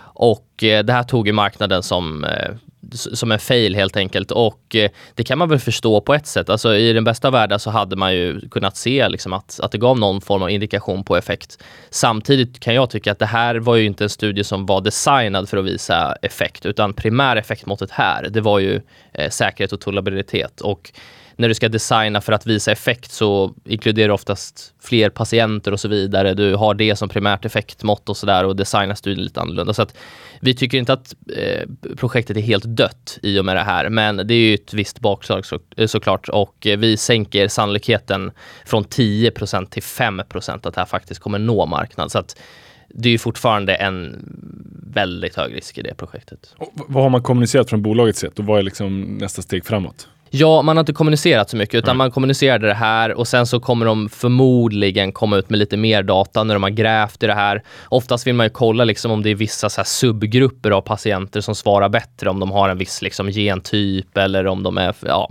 vad det nu kan vara liksom. Eh, så, så det vill man kolla då och gräva djupare och, och se om det finns någonting att liksom gå vidare på eller om man bara ska eh, lägga ner det här eh, projektet. Men eh, vad jag vill kommunicera med det här egentligen är att det här stod ju för nästan alltså under 10% av vårt värde i vår modell. Så att vi tycker inte att det här är någonting som förändrar caset alls egentligen, utan vi, vi har ju inte räknat på stora värden här alls och, och eh, ingenting har ju hänt med deras huvudprojekt och det är det man ska ha koll på som investerare tycker vi. Så att, att, att aktien tappar 30% baserat på någonting som vi värderar till mindre än 10% i vår analys, det tycker vi är en överreaktion. Och v- vart befinner man sig i eh, de andra projekten eller det större projektet? Precis, så där är man då i en fas 3-studie och det är ju som de flesta kan känna till den sista studien innan marknad. Sen, sen skickar du in en marknadsansökan och så vidare och sen får du eventuellt godkänt. Så en fas 3-studie rekryterar de i. Eh, det är ganska långa, eh, långa ledtider i den här studien så att de ska rekrytera klart patienter eh, och sen så ska de följas då i två år. Så att det blir två år från att sista har behandlats så att säga. Så att vi räknar med att eh, att vi kan få data från studien i 2025, 2026. Eh, någon gång. Och vad är det projektet adresserar? Typ 1 diabetes. Eh, Eh, så att hela diamyd är ju liksom, eh, det är fokuserat kring typ 1 diabetes egentligen och specifikt för det här projektet som vi tror mycket på, det här senare projektet, då är det patienter som har eh, nydebuterad diabetes, så att man har precis fått diagnos helt enkelt och sen vill man stoppa försämringen egentligen eh, genom den här, det här läkemedlet då. Ja, just det. Och när du, när du kollar på det, det finns ju alltid då en sannolikhet för att det faller väl ut och så vidare. Vad, vad liksom bedömer du det här projektet? Ja, vi har en eh, sannolikhetsjustering på 40 procent i det här, eh, vilket kanske är något lite lägre än, än ett traditionellt eh, fas 3-projekt. vi, vi, vi motiverar det med att det har ju inte varit så många som har lyckats hittills i typ 1 diabetes. Eh, så att vi ser fortsatt eh, rel relativt hög risk, men det här kan absolut funka. Och funkar det, då är det ju en väldigt stor kommersiell möjlighet. Så det är lite så jag tycker man ska se på det. Att eh, de har ju bra data i grunden och sådär, men det ska också visa sig i den här fas 3-studien. Mm. Och hur, hur väl kapitaliserad är man för att löpa det här linan ut? Precis, så man har 100, drygt 100 miljoner nu i, i förra kvartalsrapporten. Eh, vi räknar med att det kommer, komma, kommer behövas en emission i slutet av året någon gång förmodligen för att liksom, ta det här vidare. Eh, det är ingen hemlighet, det är ju bara att kolla egentligen i, i rapporterna liksom hur mycket man bränner och, och eh, vad man har i kassan så ser man att det kommer behövas någonting för att, för att fortsätta studien då och komma i mål. Ja. Bra. Mm. Någonting mer eh, innan vi lämnar diamyd? Någonting man, du håller lite extra koll på? Vi har pratat om studierna men... Mm, precis. Eh, nej, egentligen inte. Alltså, det viktigaste att hålla koll på är ju det här ledande projektet och att patientrekryteringen ja. går enligt plan. För det är det som kommer liksom, driva värdet framöver och det är det man ska hålla koll på helt enkelt. Ja. Bra. Stort tack eh, Ludvig. Ja, tack så mycket. Vi är tillbaka och eh, jag säger välkommen hit Hjalmar. Tack så mycket. Du, eh, hur är läget? Jo men det är bara bra tack. Ja. Full fart på börsen. Ja, det kan man väl säga och sen så börjar ju eh, man eh, lite smått se slutet på, på, en, på en väldigt intressant rapportsäsong här. Ja, och det finns eh, några intressanta bolag vi ska diskutera. Vi kan, ska vi börja med Björn Borg? Ja, exakt. För än så länge är ju inte rapportsäsongen över. Vi har ett bolag i Björn Borg som vi har pratat om mycket som kommer med sin rapport här nästa vecka. Eh, vi har ett motiverat värde på 53 till 55 kronor. Senast betalt här var 40. Eh, vi gillar bolaget. Vi tror att deras varumärke, framförallt på sportklädesidan, är starkt och underskattat. Eh, det här utgör ungefär 20 procent av omsättningen och man mm. växer inom sportkläder med en CAGR på 12 procent. Det här har man gjort sedan 2017 och då ska man ha med sig att det här är ett segment med otroligt eh, tuff konkurrens. Och kollar man lite på de mjuka värdena, kundundersökningar, brand recognition och så vidare så, så lyckas man stärka varumärket och vi, vi tror väl liksom att det här eh, är en drivkraft för att fortsätta växa inom sport. För, för Även om man inte redovisar det, eh, det vill säga eh, marginalen per segment, så är det naturligtvis så att inom sportkläder så har man väsentligt högre marginaler än vad man har inom, eh, inom då den traditionella underklädesdelen. Så fortsätter man att växa den här andelen så kommer marginalen för, för koncernen stärkas.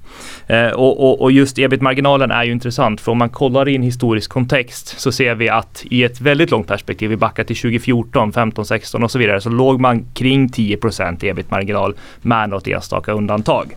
Eh, 2019 och 2020 så eh, dippade rörelsemarginalen och, och, det här drevs dels då av att man 2019 gjorde den här stora omställningen med, med lagerflytt eh, och 2020 naturligtvis pandemipräglat med, med kundförluster och, och annat. Eh, men, men, det man gjorde under pandemin var att man såg över kostnadsstrukturen. Eh, det här har vi pratat mycket om tidigare men, men man såg över eh, personalen, man flyttade huvudkontoret, eh, man stängde ner olönsamma butiker. Och, och kollar man på de återkommande rörelsekostnaderna, man säger så, alltså justerat för engångsposter, så, så har man tagit ner dem som en andel av försäljningen från att man 2018-19 låg kring 48-49 procent till att man nu under 2022 hade 42 procent.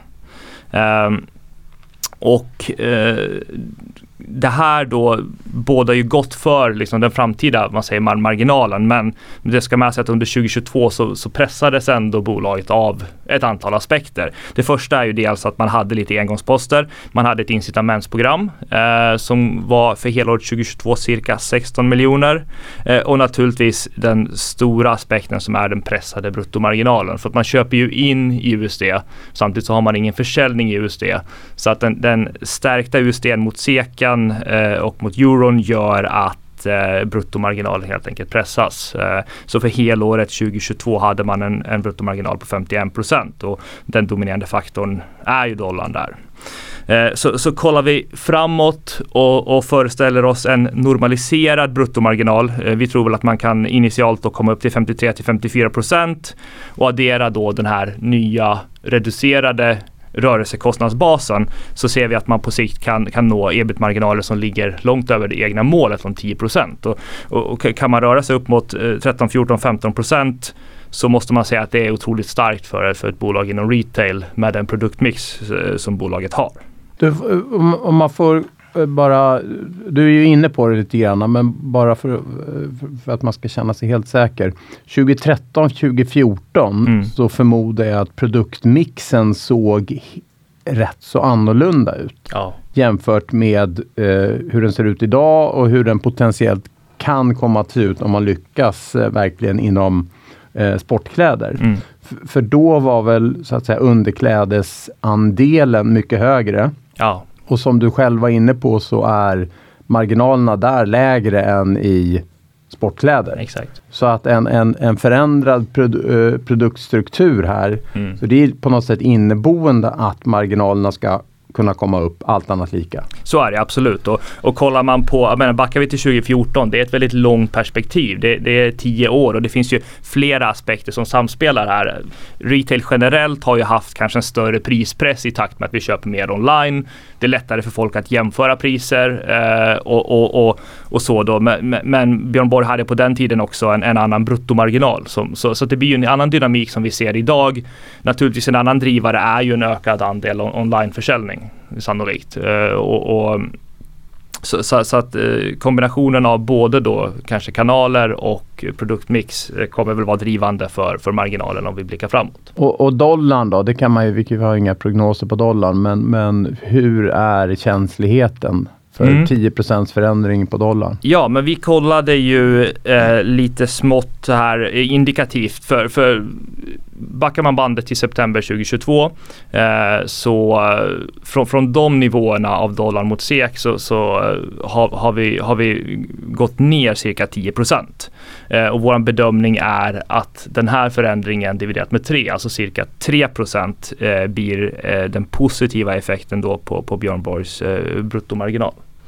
Eh, och mycket av det här i våran bedömning hamnar ju även längre ner i, i lönsamheten då. Så det, det är otroligt viktigt att man har med sig det när man kollar på den starka kursutvecklingen som Björn Borg har haft sedan botten i, i september förra året.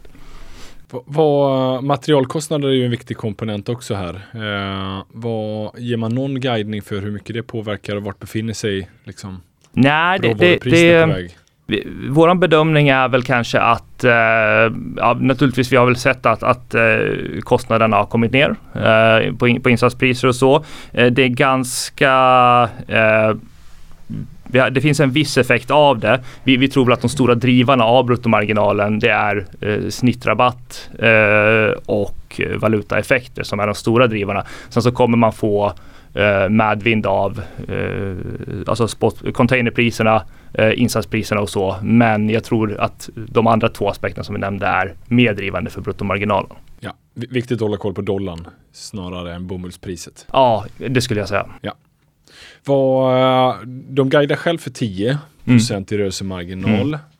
Du, eh, du pratade här liksom om, om man vågar tänka att produktmixen gynnar dem och man kan komma upp mot en 13-14. Mm. Vart, vart lägger du ditt antagande framåt? Uh, vi ser ju nu för kommande år att man kan röra sig upp mot en, en ebit-marginal som uh, är på, på, på 13 procent. Ja. Uh, och jag, jag, tror väl om man ska vara ärlig att uh, det här målet, för man satte det för det var ett antal år sedan, att det är i det lägsta laget. Uh, med, med tanke på att man sedan dess då har trimmat, uh, trimmat rörelsekostnaderna. Så det finns ju en trigger i om bolaget själva skulle komma ut och säga att nu, ja, men vi, vi har ett nytt mål på 15 procent till exempel. Ja. Tror du att, att um, vill man ha ännu mer bekräftelse på att man lyckas inom sportkläder? Är, är det det som, kan det vara en anledning till att inte förändra eh, ebit-marginalmålet? Jag skulle väl säga Eh, så här, den har ju växt eh, med som jag nämnde en kegel på 12 procent.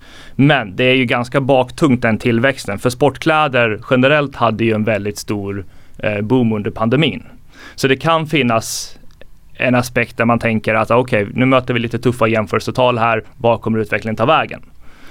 Så, så det blir kanske i, i, med, med det hänsyn till det så blir det särskilt intressant att se kommande kvartal här. Hur mycket växer sportkläderna? Jag, vi tyckte vi hade starka siffror för tillväxten i Q4 och, och, och om man ändå ser 2022 som att man mötte tuffa jämförelsetal för 2021 redan så tycker jag ändå att man visar ändå att eh, det här behöver inte nödvändigtvis vara en, en one-off där, där sportkläder växer starkt under pandemin utan att det kan bli en, på sikt en linjär tillväxtkurva.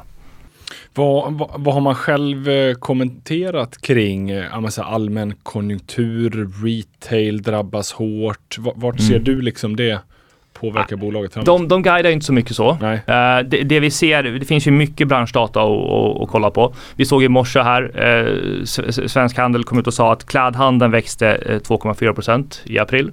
Uh, och, och det här får man ändå se som, tycker jag, goda siffror. och, och de nämner ju själva då, alltså eh, Svensk Handel eh, citerar eh, ja, en återkomst och man kan börja prata om det. Men, men man, man, ska väl ha med sig att vi gick ju in i 2023 med otroligt dystert eh, kundsentiment eh, på, på retail-sidan och, och, och, alla indikationer på väldigt svag tillväxt. Så det är mot bakgrund av det som man upplever att 2,4% är en stark siffra.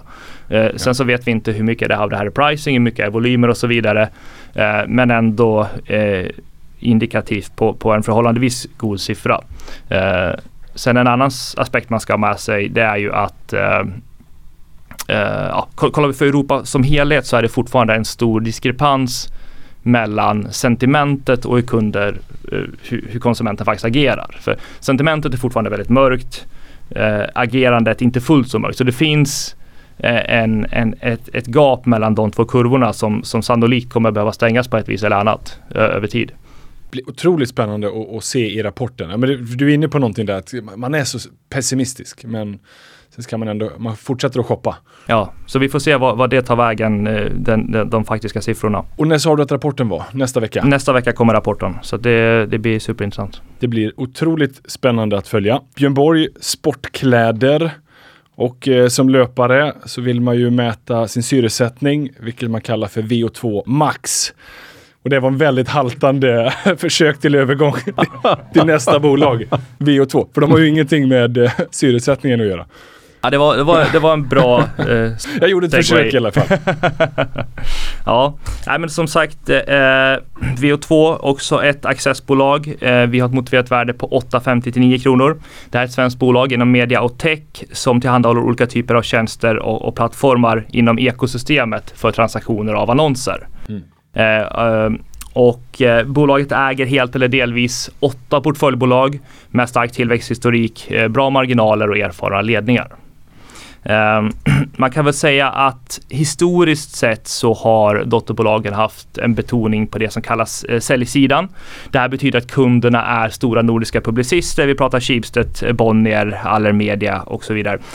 Vi initierade ju på det här bolaget under mars eh, och därefter så släppte bolaget nyligen då sin Q1-rapport. Och jag ska lyfta fram några saker som jag tycker stack ut här och det första är väl då att ebitda eh, stärker man year on year eh, från 4 miljoner till 6 miljoner. Eh, display, eh, det vill säga det som är merparten av bolagets intäkter, exklusive då dotterbolaget Netric, vi kommer tillbaka till det, men exklusive Netric så växte man 9 year on year. Det här är enligt vår bedömning eh, mycket ett resultat av, av god utveckling inom dotterbolaget AdProfit och, och, och det ser vi som en stark drivare av den starka tillväxten man hade. Eh, utomhusannonseringen växte bra, 28 year on year och det här var då i enlighet med eh, de indikationer vi har sett för branschdata under inledningen av året.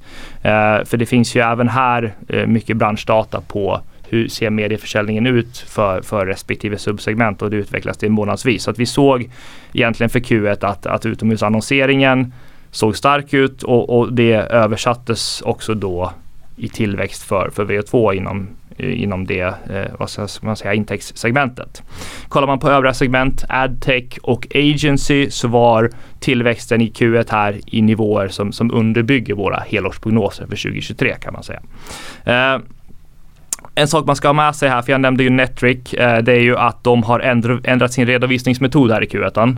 Eh, så, så, att det man gör nu är att man intäktsredovisar den provisionen man får istället för det man gjorde tidigare då man tog hela annonsintäkten och sen så den delen som skulle till publicisten då redovisades som COGS, alltså kostnadssålda varor. Nu redovisar man bara provisionen och det här får ju på topline då en stor effekt som inte översätts ner till ebitda. Men, men, men det, det var ju det som gjorde att eh, displayförsäljningen eh, så som den redovisades year on year då eh, backade så mycket som den gjorde. Men, men eh, det blir ju då en rent redovisningsteknisk aspekt. Så det är en annan sak som är viktig att man har med sig. Va varför gör man det här? Finns det någon mer anledning? Jag tycker det, det är ju fullt rimligt och det kommer mm, vara lättare att följa mm, framåt. Men Ja, det, det är ju, utan att gå in allt för mycket i detalj på, på redovisningen så har det att göra med att man har bytt, eh, man har bytt samarbetspartner. Eh, tidigare så hade man en stor amerikansk aktör som heter Magnite eh, och vid årsskiftet då precis eh, första januari eh, så bytte man det här till, till en annan eh, stor aktör som man då är en typ av affiliatebolag till, det vill säga man, man hjälper kunderna att få tillgång till den här tjänsten. Och, och, och, och när man bytte bytte, eh, bytte samarbetspartner här så bytte man också i samband med det redovisningsmetod. Eh, och eh, Ja, så, så, så att det, det, var väl effekten i kvartalet. Utöver det, det vi lyfter fram i vår initieringsanalys är ju att det är ett förvärvsdrivet bolag. Eh, mycket av tillväxten som vi kommer se kommande år eh, kommer sannolikt att drivas av förvärv. Eh, och det vi har sett här i inledningen av året är att man har förvärvat två bolag. Eh, det första är Maddington, ett svenskt adtech-bolag med en egenutvecklad teknik för, för produktion av digitala annonser. Och det andra förvärvet är LoCADs, eh, vilket är ett annat bolag som kommer hjälpa VO2 att expandera på utomhusmarknaden. Um, Locads har ganska stor lokal känning på städer utanför Stockholm och det är här som, som VO2 då via eh, dotterbolaget Leeds vill expandera och det här LOCADs kommer hjälpa dem med den expansionen. Um, och jag, jag, tycker det är intressant att man belyser liksom, ska säga, rationalen till den här förvärvsagendan. För det handlar om att man kan addera eh, produkter, tjänster och funktioner som gör att dotterbolagen får ett bredare helhetserbjudande. Då kan man vända sig till kunderna och säga att istället för att ni går till tre olika kunder så kan ni komma till oss och så erbjuder vi alla de här tjänsterna. Och, och det gör naturligtvis eh, tillvaron enklare för kunderna. Och, och ehm, utöver det så finns det ju synergier i det att ett litet bolag som går upp i en sån här stor koncern kan accelerera sin försäljning för man får tillgång till säljstyrkor som finns i de här andra dotterbolagen i koncernen. Och det är till exempel det vi har sett med, med LiveWrap som, som är ett av VO2s dotterbolag som, som vi gillar och som har haft väldigt stark tillväxt. Men, men det finns inte så mycket att jobba på kostnadssidan gissar jag, för man vill ha det är inte som att man tar ner personal och så utan Nej, jag skulle, synergierna ja. finns på försäljning och på intäkt och helhetserbjudande mot kund. Ja, på försäljningssidan eh, kompetens och förståelse för marknaden. Ja. Uh, finns mycket sådana typer av synergier men, men framförallt som du säger är det ju för att accelerera tillväxten i vår bedömning. Ja. Men, men sammantaget så är det en rapport i enlighet med våra förväntningar. Vi gjorde lite små justeringar och vi bibehåller då vårt motiverade värde på 8,50 till 9. Spännande. Vad, vilken storlek är det man förvärvar? Ja, de här förvärven var väldigt små. Uh, uh, Maddington omsatte, jo, men de omsatte 11 miljoner. Så det, det, är ganska litet men ja. ändå indikativt då på att uh, det finns förvärvsobjekt där ute och vi tror att det kommer fler. Just det. Ger man någon guidning för vad man betalar för sådana här förvärv? Ja, det har man väl gjort och jag, jag tycker väl någonstans att det, det, blir ju lite svårt för då kan man kolla på eh, släpande omsättning eller liksom kanske den släpande lönsamheten och lägga någon multipel på det. Eh, och jag tycker väl det man ska ha med sig är ju att eh, vi, har, vi har ju sett till exempel ett bolag som LiveWrap att det finns ju alla möjligheter att väldigt mycket accelerera försäljningen när man tas upp i en sån här koncern. Så att lägger man en framåtblickande multipel så blir den naturligtvis annorlunda och då ska man ha med sig att den historiska tillväxten för ett bolag som kanske har haft en begränsad säljstyrka inte riktigt indikativt för det man kan växa. Så att ja. den multipel man har här och nu eh, blir ju en siffra och sen så blir det naturligtvis framåtblickande en annan. Ja, man vill uh, jobba med bolagen man förvärvar, få in dem i koncernen och driva ytterligare tillväxt. Exakt. Vad, hur, hur väl kapitaliserad är man för att göra ytterligare förvärv? Hur ser förutsättningarna ut? Ja, nej men de har eh, just nu då en, en eh, man betalar med aktier lite också gissar jag. Ja exakt, exakt. Eh, optimalt så ska ju då förvärven eh, drivas då både av eh, eh ja, av nyemissioner men också eh, betala med, med kassa då. Eh, så, så, att man har just nu en nettoskuld på cirka 28 miljoner. Uh, och sen så finns det ju lite tilläggsköpeskillingar och sådär uh, som, som adderas till det. Uh, men det finns väl ett utrymme i vår bedömning att fortsätta driva förvärv. Ska man på sikt göra ett större förvärv då kan det komma att behövas extra pengar. Men, men i det korta så ser vi att bolaget i alla fall har en, en bra position och inte en skuldsättning som är överdrivet stark i vår bedömning. Perfekt. Och rapporten var precis eh, liksom enligt, enligt förväntningar, förväntningar sen du initierade? Eh, ja exakt, exakt. Vi ser, vi ser väl liksom att inom respektive intäktssegment så underbyggde det våra helårsprognoser. Eh, man ska ju ha med sig att eh, det här är en bransch som är väldigt känslig för, man ska säga realekonomin. Det finns en stark korrelation med medieköp och BNP-tillväxt. Så att förväntningarna både implicit från marknaden men också från våran sida på, på 2023 har ju inte varit eh, jättestarka givet de prognoser som finns för, för den ekonomiska utvecklingen. så. Eh, men, men, på sikt så är ju det här ett, ett eh, otroligt eh, bra bolag och som kan dra nytta av de här synergierna och verkligen accelerera tillväxtresan. Bra. Stort tack eh, för dig Hjalmar, för både Björn Borg och VO2. Tack så mycket.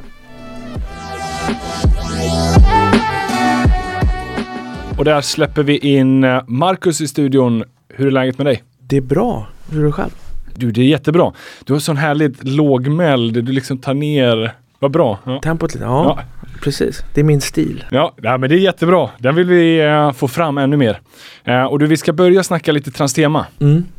Hur går det med att underhålla våra nätverk?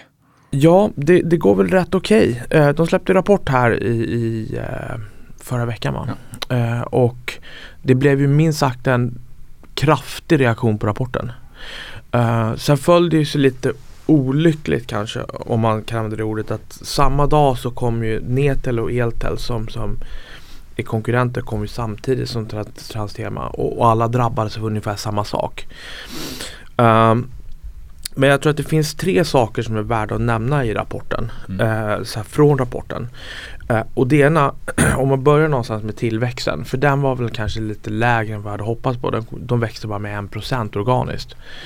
Uh, och det är ett step, ganska kraftigt step ner från vad vi har sett tidigare. Uh, så att vi har legat på 8-10% de senaste kvartalen och förra året så var det en god organisk tillväxt och nu kom det ner ordentligt. Och jag hade ju väntat mig kanske en moderation eller en, alltså en, en ett steg ner i termer av tillväxt. Men det här var ju mycket sämre än vad jag hade räknat med. Men det finns, det finns ganska enkla förklaringar till varför det ser ut som det gör. Och, och för det första, man, man gick in i Norge genom två stycken förvärv förra året. Uh, och den stora skillnaden mellan Sverige och Norge, det är de två marknader som man är i, är att Sverige är väldigt mycket service. Och Norge är ganska mycket installation. Mm. Vad som hände i Norge under de första månaderna av året var att vintern var ganska bister. Och med installation då lägger vi ner nät och vi sätter upp så master. Och det är klart att är det is och snö då är det farligt att klättra i master så du klättrar inte i master. Och ska du lägga ner rör så funkar inte att det är kärl i marken för du kan inte gräva. Och då står allting still och, och därför så var omsättningen ner 18 procent. Uh, I Sverige var den upp 4 procent. Så det är, liksom, det, det, är det som är den stora skillnaden och det ligger bakom de här 1 procenten. när gjorde mm. man förvärvet av det här norska bolaget? Var det under förra året? Under förra året. Ja, just det. det var två stycken förvärv som man, som man gjorde ja. under förra året. Uh, och, det är så här, och då måste man alltid fråga sig när tillväxten kommer ner på det här sättet och vi ser ett så pass stort fall i Norge som vi gjorde. Då måste man fråga sig, är det här någonting som är så här, är det en ny nivå eller är det bara ett tillfälligt dropp? Så tillfälliga faktorer som styr det här. Och i det här fallet så, så är det det senare. Det här är inte, det är inte någonting, de här masterna som ska installeras, de ska ju fortfarande installeras. Så det här är en förskjutning i tid. Så här ser jag ingen dramatik i att det såg ut som det gör. Det är olyckligt och det är, men det är så det är. vintern är vintern, det är inte så mycket man kan göra åt saken. Och det här ledde ju också fram till att marginalen kom ner. För det är klart att det är klart att har du om försäljningen kommer ner nästan 20% så får du ett lägre, alltså du får, ju du får mindre bidrag till att täcka dina fasta kostnader och då kommer marginalen ner. Fullständigt naturligt. Ja. Men båda de här faktorerna kommer tillbaka. Så det, var, det, var, det var de två liksom rent rapportmässigt i Q1. Sen så pratar man också om att en del projekt har skjutits upp. 5G-projekt och 5G-installationerna är någonting, det är en av de faktorerna som drev tillväxten förra året. Att, att operatörerna har varit väldigt aggressiva under förra året med att installera 5G. Och nu skjuter man, det, nu skjuter man en del projekt från 2023 till 2024. Men det är samma sak där. Mycket av förarbetet här är gjort och näten är fulla. Så samma sak här. Är det här någonting som är, kommer de här installationerna skjutas upp för evigt? Eller är det här en timing-effekt? Det vill säga att om vi tittar över 2023 och 2024 ackumulerat kommer det att ha en lägre försäljning än vad vi trodde för tre månader sedan. Och även där så är min tolkning att så är det inte. Utan det här är timing-effekter bara. Och med tanke på att mycket här i tillfället, mycket är timing-effekter och mycket väderberoende. Så har jag väldigt svårt att förstå den otroligt kraftiga kursreaktionen som vi hade.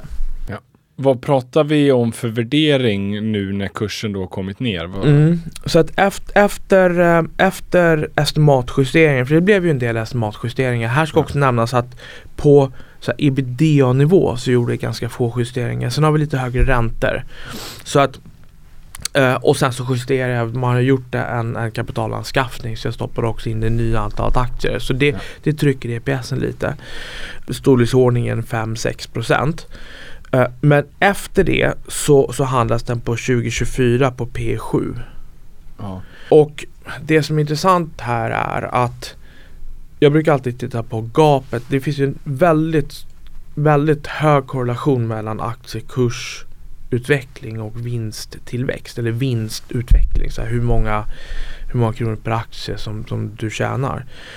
Uh, och i det här fallet så har den spreadat isär väldigt, väldigt, väldigt kraftigt.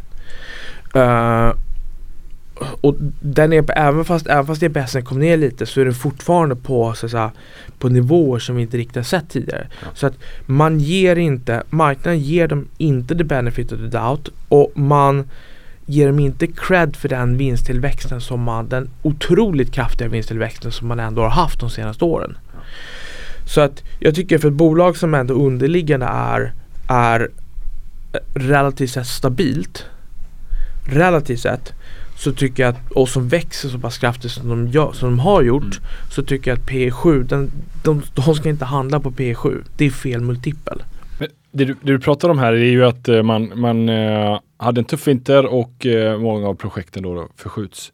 Och vi ska inte spekulera vad marknaden tror, men om vi tänker liksom att marknaden tror att de förskjuts ytterligare, finns det fog för det? Inte att de tas bort, men att de kanske, många av de här projekten i och med konjunktur och så vidare, framskjuts ytterligare.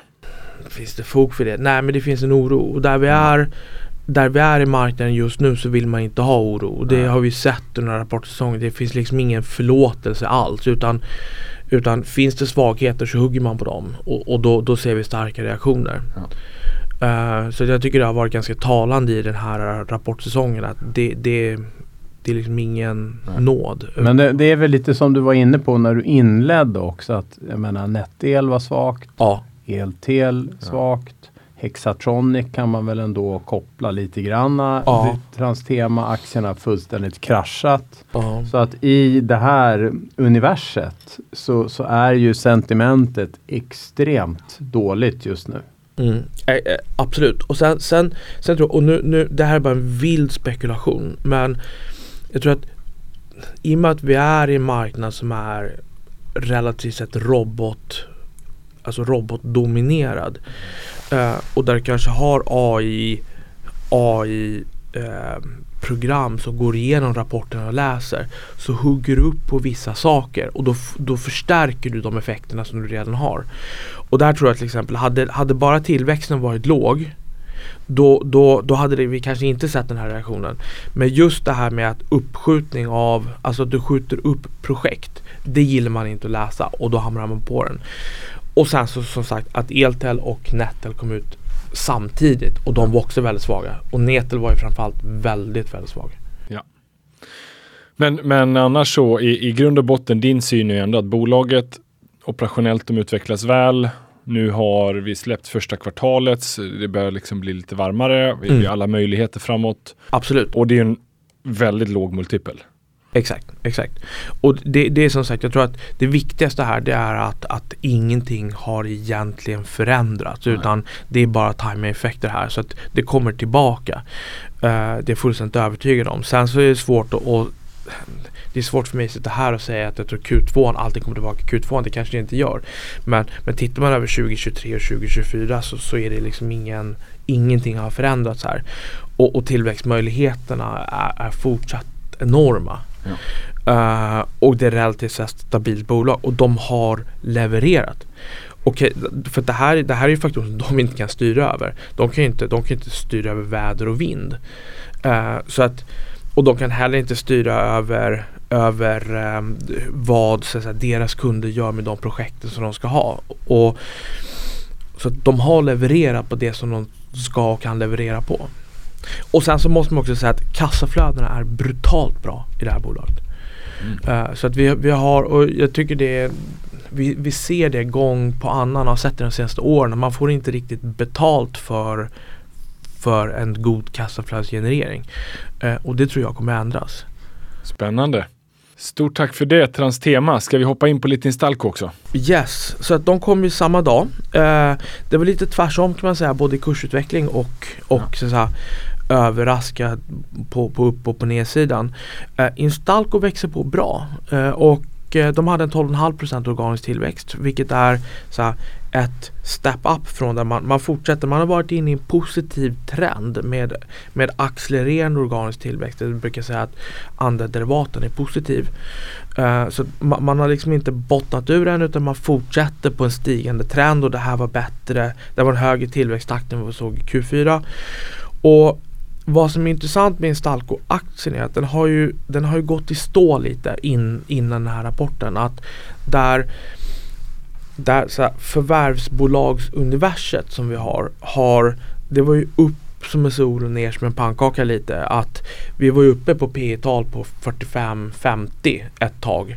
Och det är klart att det var kanske lite extremt. Under den bubblan så, så är det klart att Instalco följde med. Mm. Sen så sprack den bubblan lite och sen så kom allting ner och sen har vi sett en bounce och så har så att de mogna bolagen kommit upp igen i värdering. De har återhämtat sig och Instalco har inte gjort det så man har laggat. Och min tolkning till det är att man har en byggexponering och marknaden har varit orolig för bygg. Men nu växer man med 12,5% trots bygg. Och, och Och hur det- mycket var organiskt? 12,5% organiskt. Okej, det, Ja, 12 det är organiskt. organiskt. Ja, och det är ett par stycken saker som driver det här. Men dels, dels så är byggmarknaden inte det finns delar av byggmarknaden som är jättesvaga och sen så finns det andra delar som inte är så svaga. Så kommersiella är okej. Infra är ganska bra. Nybyggnation bostäder är dåligt. Eh, och där är man inte så mycket. Sen finns det andra saker som driver. Det finns ett renoveringsbehov. Uh, I den gröna given så, så är en stor del av det att man ska öka renoveringstakten för att få ner växthusgasutsläppen. Eh, uh, bostäder är en jätte, eller fastigheter är en jättebov i det dramat. Uh, så det finns en underliggande drivkrafter här. Men Instalco har vuxit 5% organiskt över tid. Det är ändå ganska bra tycker jag. Och samtidigt så fortsätter det med en extremt intensiv eh, förvärvsaktivitet. Så man gjorde, man gjorde, gjorde fem eller sex, sex förvärv gjorde man under kvartalet och man adderade en miljard i omsättning på års, i årstakt då. Eh, och det är ändå på en, en man, man sålde för 12 miljarder förra året. Så en miljard, det är, det är mycket. Ja. Det är en extremt hög takt. Nu får vi se hur, om det, om jag tror inte att den kanske extremt snabba takten kommer att fortsätta. Men ändå, man håller en väldigt, väldigt hög Ja, takt. Det, det känns som att man har sagt det om Instalco hela tiden och så bara fortsätter Ja, det. ja, precis. De, de, Exakt de så. har ju byggt en kultur och en, en infrastruktur i bolaget för att, att fortsätta det där förvärvsmaskineriet. Precis, och, och sen ska man komma ihåg här att Robin, när kan han ha tagit över? Ett, två år sedan som han tog över som VD eh, efter han som grundade bolaget. Det är klart att han vill ju sätta sin prägel på bolaget. Vi har sett, tycker jag, att han har drivit upp takten ganska, ganska markant under sin tid. Sen, sen är det svårt att säga vad som är vad vad gäller förvärv. För det är ju, it takes two to tango. Så du behöver ju ha Alltså säljare och köpare som behöver komma överens. Och det här är ju det här är samtal som har pågått under väldigt lång tid. I, I några av de här fallen så har man pratat i år. Och så råkar det falla in på det här kvartalet. Men ändå, man håller en väldigt, väldigt, väldigt hög takt. Så topline fortsätter, fortsätter växa. Och marginalerna verkar ha bottnat ur. Och det här är eh, jag tror vi såg bottenmarginalen i Q3. Sen har vi sett den vända och det fortsätter under det här kvartalet. Så man är inte tillbaka på 8% än. Eh, men man fortsätter att expandera och det är de här fastpriskontrakten som man har suttit fast i. Det vill säga att man, när råvarupriserna rör sig väldigt, väldigt snabbt och sen så, så signar du avtal eh, när prisnivån är en annan och så tar det 69 månader innan du sätter igång och så stiger priserna under tiden så är det klart att då blir det squeezad. Nu har man liksom jobbat sig igenom den där stocken eh, och därför så är marginalerna på väg tillbaka. Så att jag, det, känns, det, känns, det känns väldigt bra. Jag tror att man Sen, sen är det väl så här också att, att ehm, alltså det här är ju ett bolag om, du, om man screenar som dyker upp installation, Ja, byggmarknad. Okej. Eh, Eh, det, det här är någonting som vi, vi vill inte vara exponerade mot det. Bostadsbyggandet är på väg rakt ner. Men rapporten är ju en påminnelse om att eh, exponering mot nybyggnad bostad den är ju, eh, vad är den, 15 procent? Om, Ja, ens, om ens det. om ens det. 10-15%. Eh, så att eh, eh, man behöver ibland påminnas om vad, vad bolagen faktiskt håller på med och inte bara liksom screena fram att det här är ett installationsbolag, vi säljer det. Precis, för vi är ju en marknad där det är så här, vi ser vi ser fickor av svaghet i marknaden. Men generellt sett så är den ganska stark. Alltså nu pratar jag nu pratar jag den underliggande konjunkturen och marknaden och de tillväxtsiffror vi ser. Uh, det är nybyggnation bostäder, det är konsumentrelaterad elektronik till exempel. Det är två sådana fickor som vi ser av svaghet. Uh, men det jag tycker är intressant med Instalco över tid är att jag brukar jämföra, jag brukar dela in förvärvsbolagen i, i två läger. Där vi har de mogna förvärvsbolagen som är då till exempel Indutrade, Install, eh, Indutrade Adtech, Lagerkrans, Lifco. De är liksom i ett camp och sen har du de som är ganska nya på marknaden som har funnits lite kortare tid. Där har Vestum, Storskogen till exempel och Instalco är någonstans mittemellan. Eh, de har ju varit, de har ju funnits i 5, 6, 7 år. Eh, men de är väldigt snarlika i hur de arbetar och hur de tänker som de mogna. Och jag tror att man kommer röra sig i den riktningen. Man har ändå funnits, man har ändå funnits i 7-8 år. medan medans och Storskogen har funnits i 10 år men de var listade i kanske ett år. Uh, ett, två år. Och här handlar man alltså till en, till en 20-30% rabatt mot de mogna. Och drivarna är så pass snarlika. Det ska inte se ut på det viset över tid. Och det tycker jag gör Instalco intressant som en långsiktig investering. Att vi kan nog se den här omvärderingen. Fortsätter man leverera, vilket, vilket jag tror de kommer fortsätta att göra. Eh, så, så, så borde vi se så att de två, alltså de röra sig mer mot de mogna skulle jag säga. Spännande. Är det någonting avslutningsvis som du kommer hålla lite extra koll på Instalco här under resterande del av året? Vad, vad guidar man för i marginalmått? Har, har vi någonting? Man guidar ju inte Nej, man har ett marginalmål på 8%. Ja, Eh, Okej, och, den ligger man ju på. Ja. Ja, man är inte riktigt där Nej. än. Så att det, och för, för min del så är det väl så är det ju marginalen är en nyckel här och, och, och sen så att, att man fortsätter och, och så att säga förvärva. Kanske inte i samma takt som tidigare men att man fortsätter att dela på omsättning. Bra. Mackan, eh, stort tack för det. Mm, tack så mycket. Nu ska vi eh, avslutningsvis höja energin och blåsa på lite. Vi kastar in Örjan för vi ska prata lite vindkraft. Ja, och lite energi i största allmänhet. Eh, Det är lätt att tro att det är vindkraft det handlar om, men det handlar rätt mycket om sol och batterier och även andra, andra teknologier. Ah, spännande. Va, ska vi börja med Eolus? Ja, vi kan börja med Eolus. Det är ju ett av våra accessbolag. Vi har eh, för närvarande ett motiverat värde på 130 till 135 kronor. De är rapporterat idag ska vi säga då, så att det där är ju för eventuella justeringar. Ehm, en rapport, eh, det var lite intressant tycker jag, det var bättre än förra året. Förra året var väldigt svagt på grund av vissa extraordinära händelser. Det var svagt i absoluta termer, men Q1 är lågsäsong när man bygger eh, framförallt ändå eh, vindenergi som det handlar om i första hand. Om, Men förnyelsebar energi i största allmänhet i vår del av världen. Ehm, eh, man fortsätter bygga upp sin projektportfölj väldigt mycket nu på 24 gigawatt.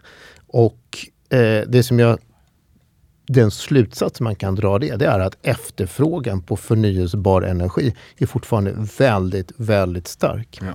Och det tycker jag är liksom man, någonting man ska ta med sig att efterfrågan på, på de här typen av projekt är väldigt stark. Aktier reagerar väldigt, väldigt positivt idag på börsen, i och för sig en, en, en glad börs största allmänhet. Jag tror en kombination av en svag kursutveckling och just det faktum att projektportföljen byggs upp, efterfrågan finns där.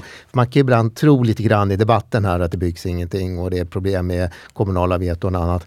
Men faktum är att eh, på marknaden så är efterfrågan på förnyelsebar energi fortsatt eh, väldigt, väldigt god. Och vind är ju vad man är liksom sprungen ifrån, men hur, hur liksom ser mixen nu i port- portföljen eller erbjudandet ut? Den ser ut på följande vis att eh, Eolus då har en projektportfölj på ungefär 24 gigawatt.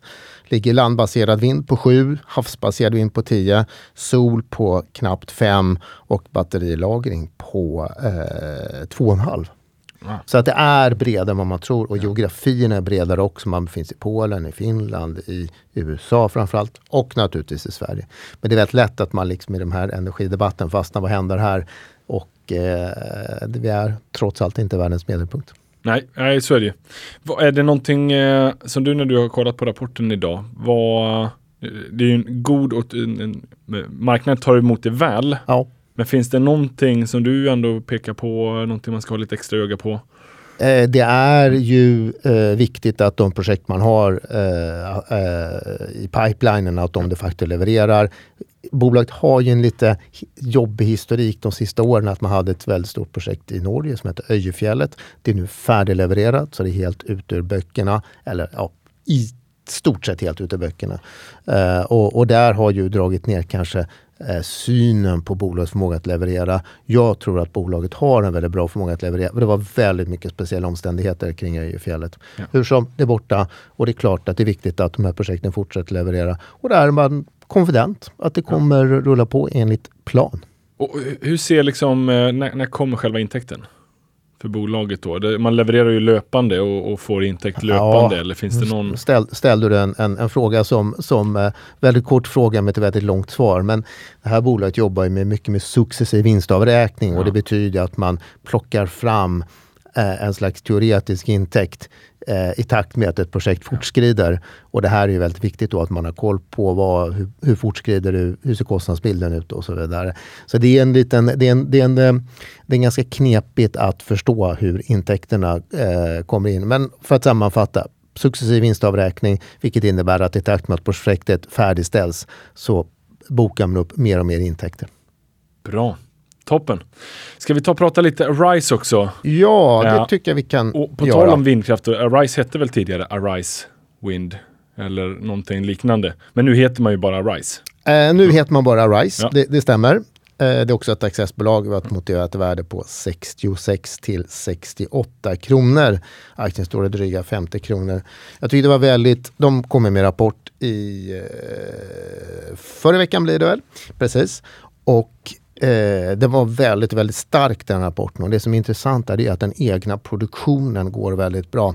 Man kan säga att den egna produktionen har legat och taktat på en, en rörelseresultat på mellan 0 och 10 miljoner eh, eh, under ganska många år. Och helt plötsligt nu så ligger man på ja, är det, 108 miljoner tror jag i, på rullande 12 månader. Så det här går väldigt starkt. Och det är ju så att vi har ju bättre prisbild generellt sett på marknaden för, för elenergi. Och det här gör att den här eh, eh, verksamheten inom den egna produktionen börjar generera vinster på ett sätt som jag inte riktigt upplever att marknaden har förstått faktiskt. Man tror att Arise är en ren projektutvecklare, men det är det alltså inte. Det är projektutveckling och egen produktion. Och i den egna produktionen som, som går väldigt starkt. Och det här är ju intressant. Eh, egen, egen, vind, egen kraftproduktion värderas väldigt, väldigt högt ur ett industriellt perspektiv. V vad är liksom balansen däremellan då? Projekt och egen elproduktion? I det första kvartalet var det eh, framförallt eh, elproduktionen som, som, eh, som levererade. Det är ju så att elproduktionen den är stabil över tiden och återkommande intäkter. Medan projektutveckling, det är ganska hoppigt. Ja, det beror lite på hur projekten färdigställs och ibland gör man vissa försäljningar och, och, och vi tar andra aktiviteter som gör att, att projektutveckling är per definition väldigt eh, volatilt mellan, framförallt mellan kvartalen, men även mellan åren faktiskt. Och där, här bidrar då den egna produktionen. Och alltså, som jag kommer tillbaka, så här är ju en intressant tillgång, eller ett intressant tillgångslag om man ser det ur ett lite mer industriellt perspektiv. Eh, och det tycker jag inte riktigt marknaden har, har eh, uppfattat. Så att eh, bara den, och det kan man alltid diskutera, bolags egna värdering. De gör en så kallad impairment test och som det heter. Eh, men men den, den, den senaste värderingen som man själv gjorde, naturligtvis har liksom backats upp av revisorer och annat. Eh, den visar ju på ett värde på Eh, 1,9 miljarder, vilket är ungefär i linje med hela bolagets börsvärde. Så man skulle kunna säga att man får egentligen produktionen, man betalar för produktionen som dessutom genererar väldigt bra vinster och ändå bättre kassaflöden på grund av låga investeringsbehov. Och sen så får man hela projektutvecklingen på toppen.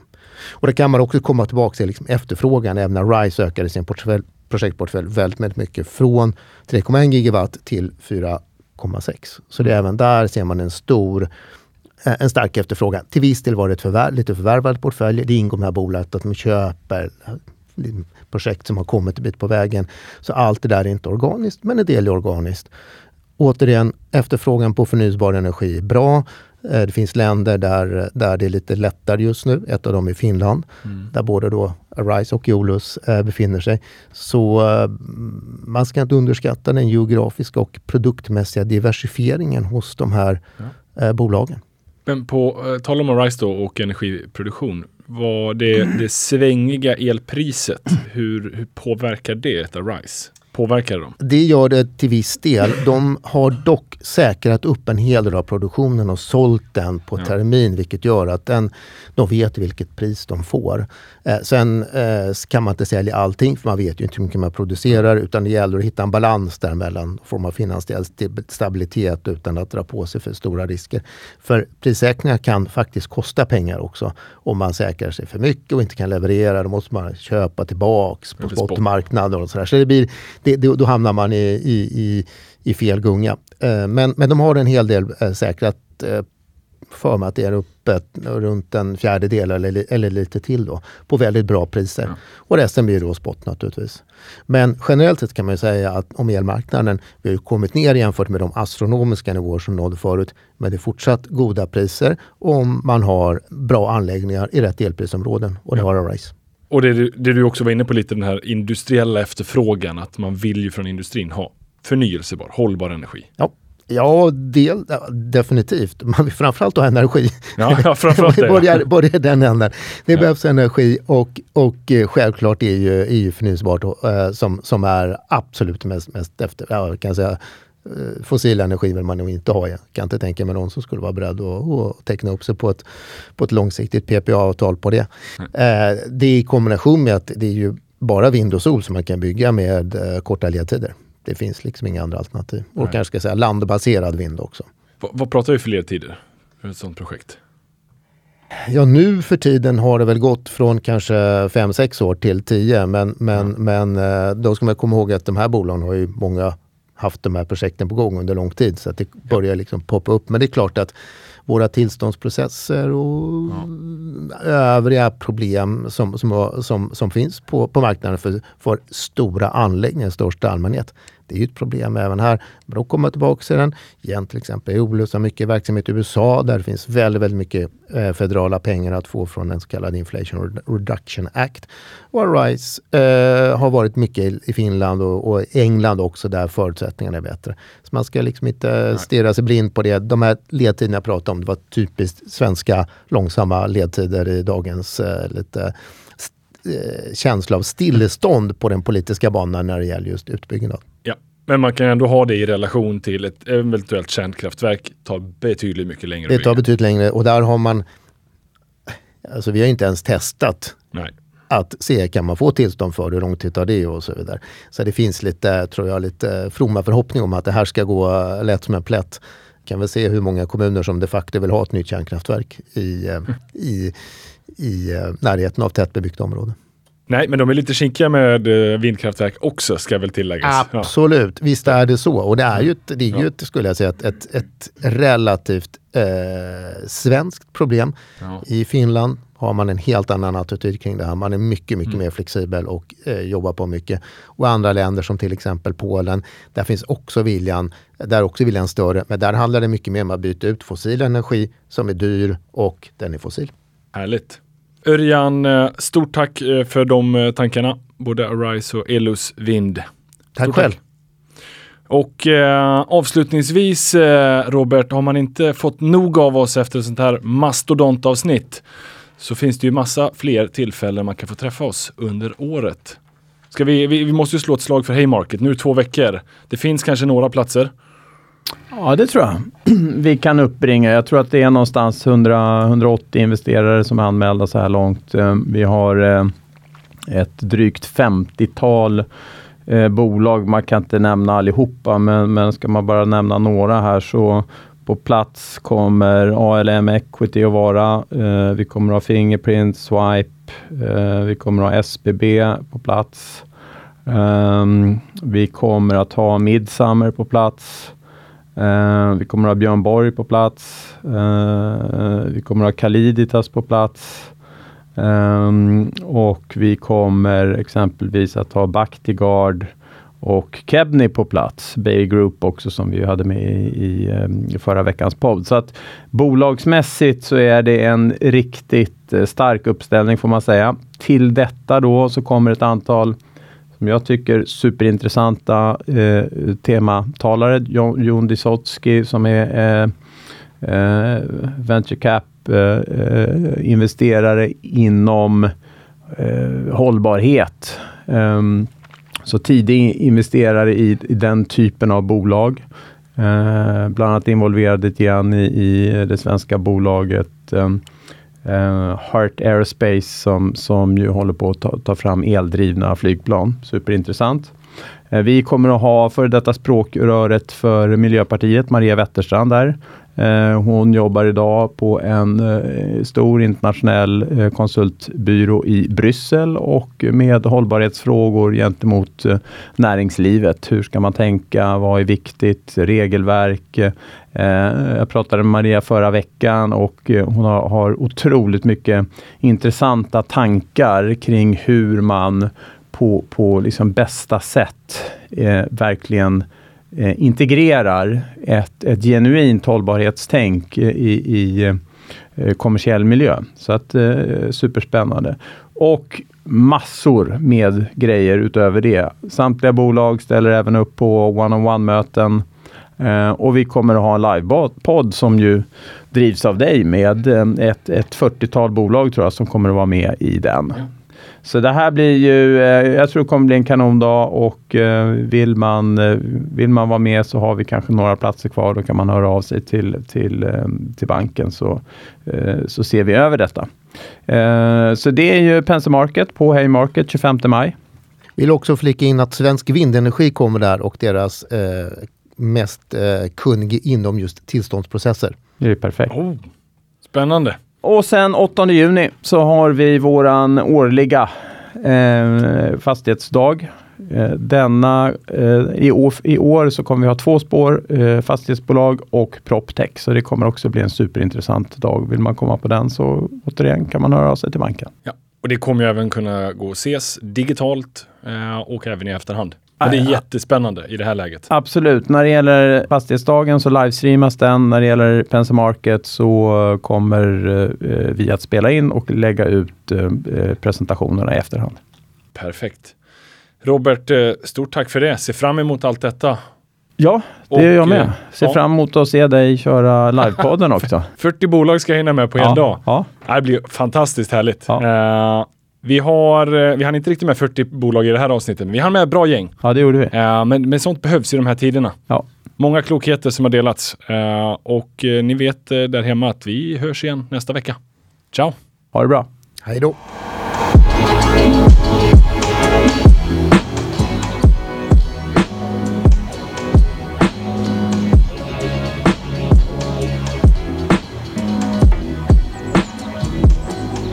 Denna podcast är utgiven av Erik Penser Bank och är avsedd att marknadsföra bankens tjänster. Vissa bolag som nämns kan därmed ha något samarbete med banken i form av fondförvaltning, analystjänster, certified advisor-uppdrag med mera. För information om dessa tjänster, fondförvaltning och även bankens hantering av eventuella intressekonflikter, vänligen se bankens hemsida www.penser.se. Vänligen notera att investeringar i finansiella instrument, inklusive fonder, är förknippade med en risk. Historisk avkastning är ingen garanti för framtida avkastning. Det är pengar som placerats i finansiella instrument kan både öka och minska i värde och det är inte säkert att du får tillbaka hela det insatta beloppet. Ingen del av Penserpodden ska uppfattas som investeringsrekommendationer.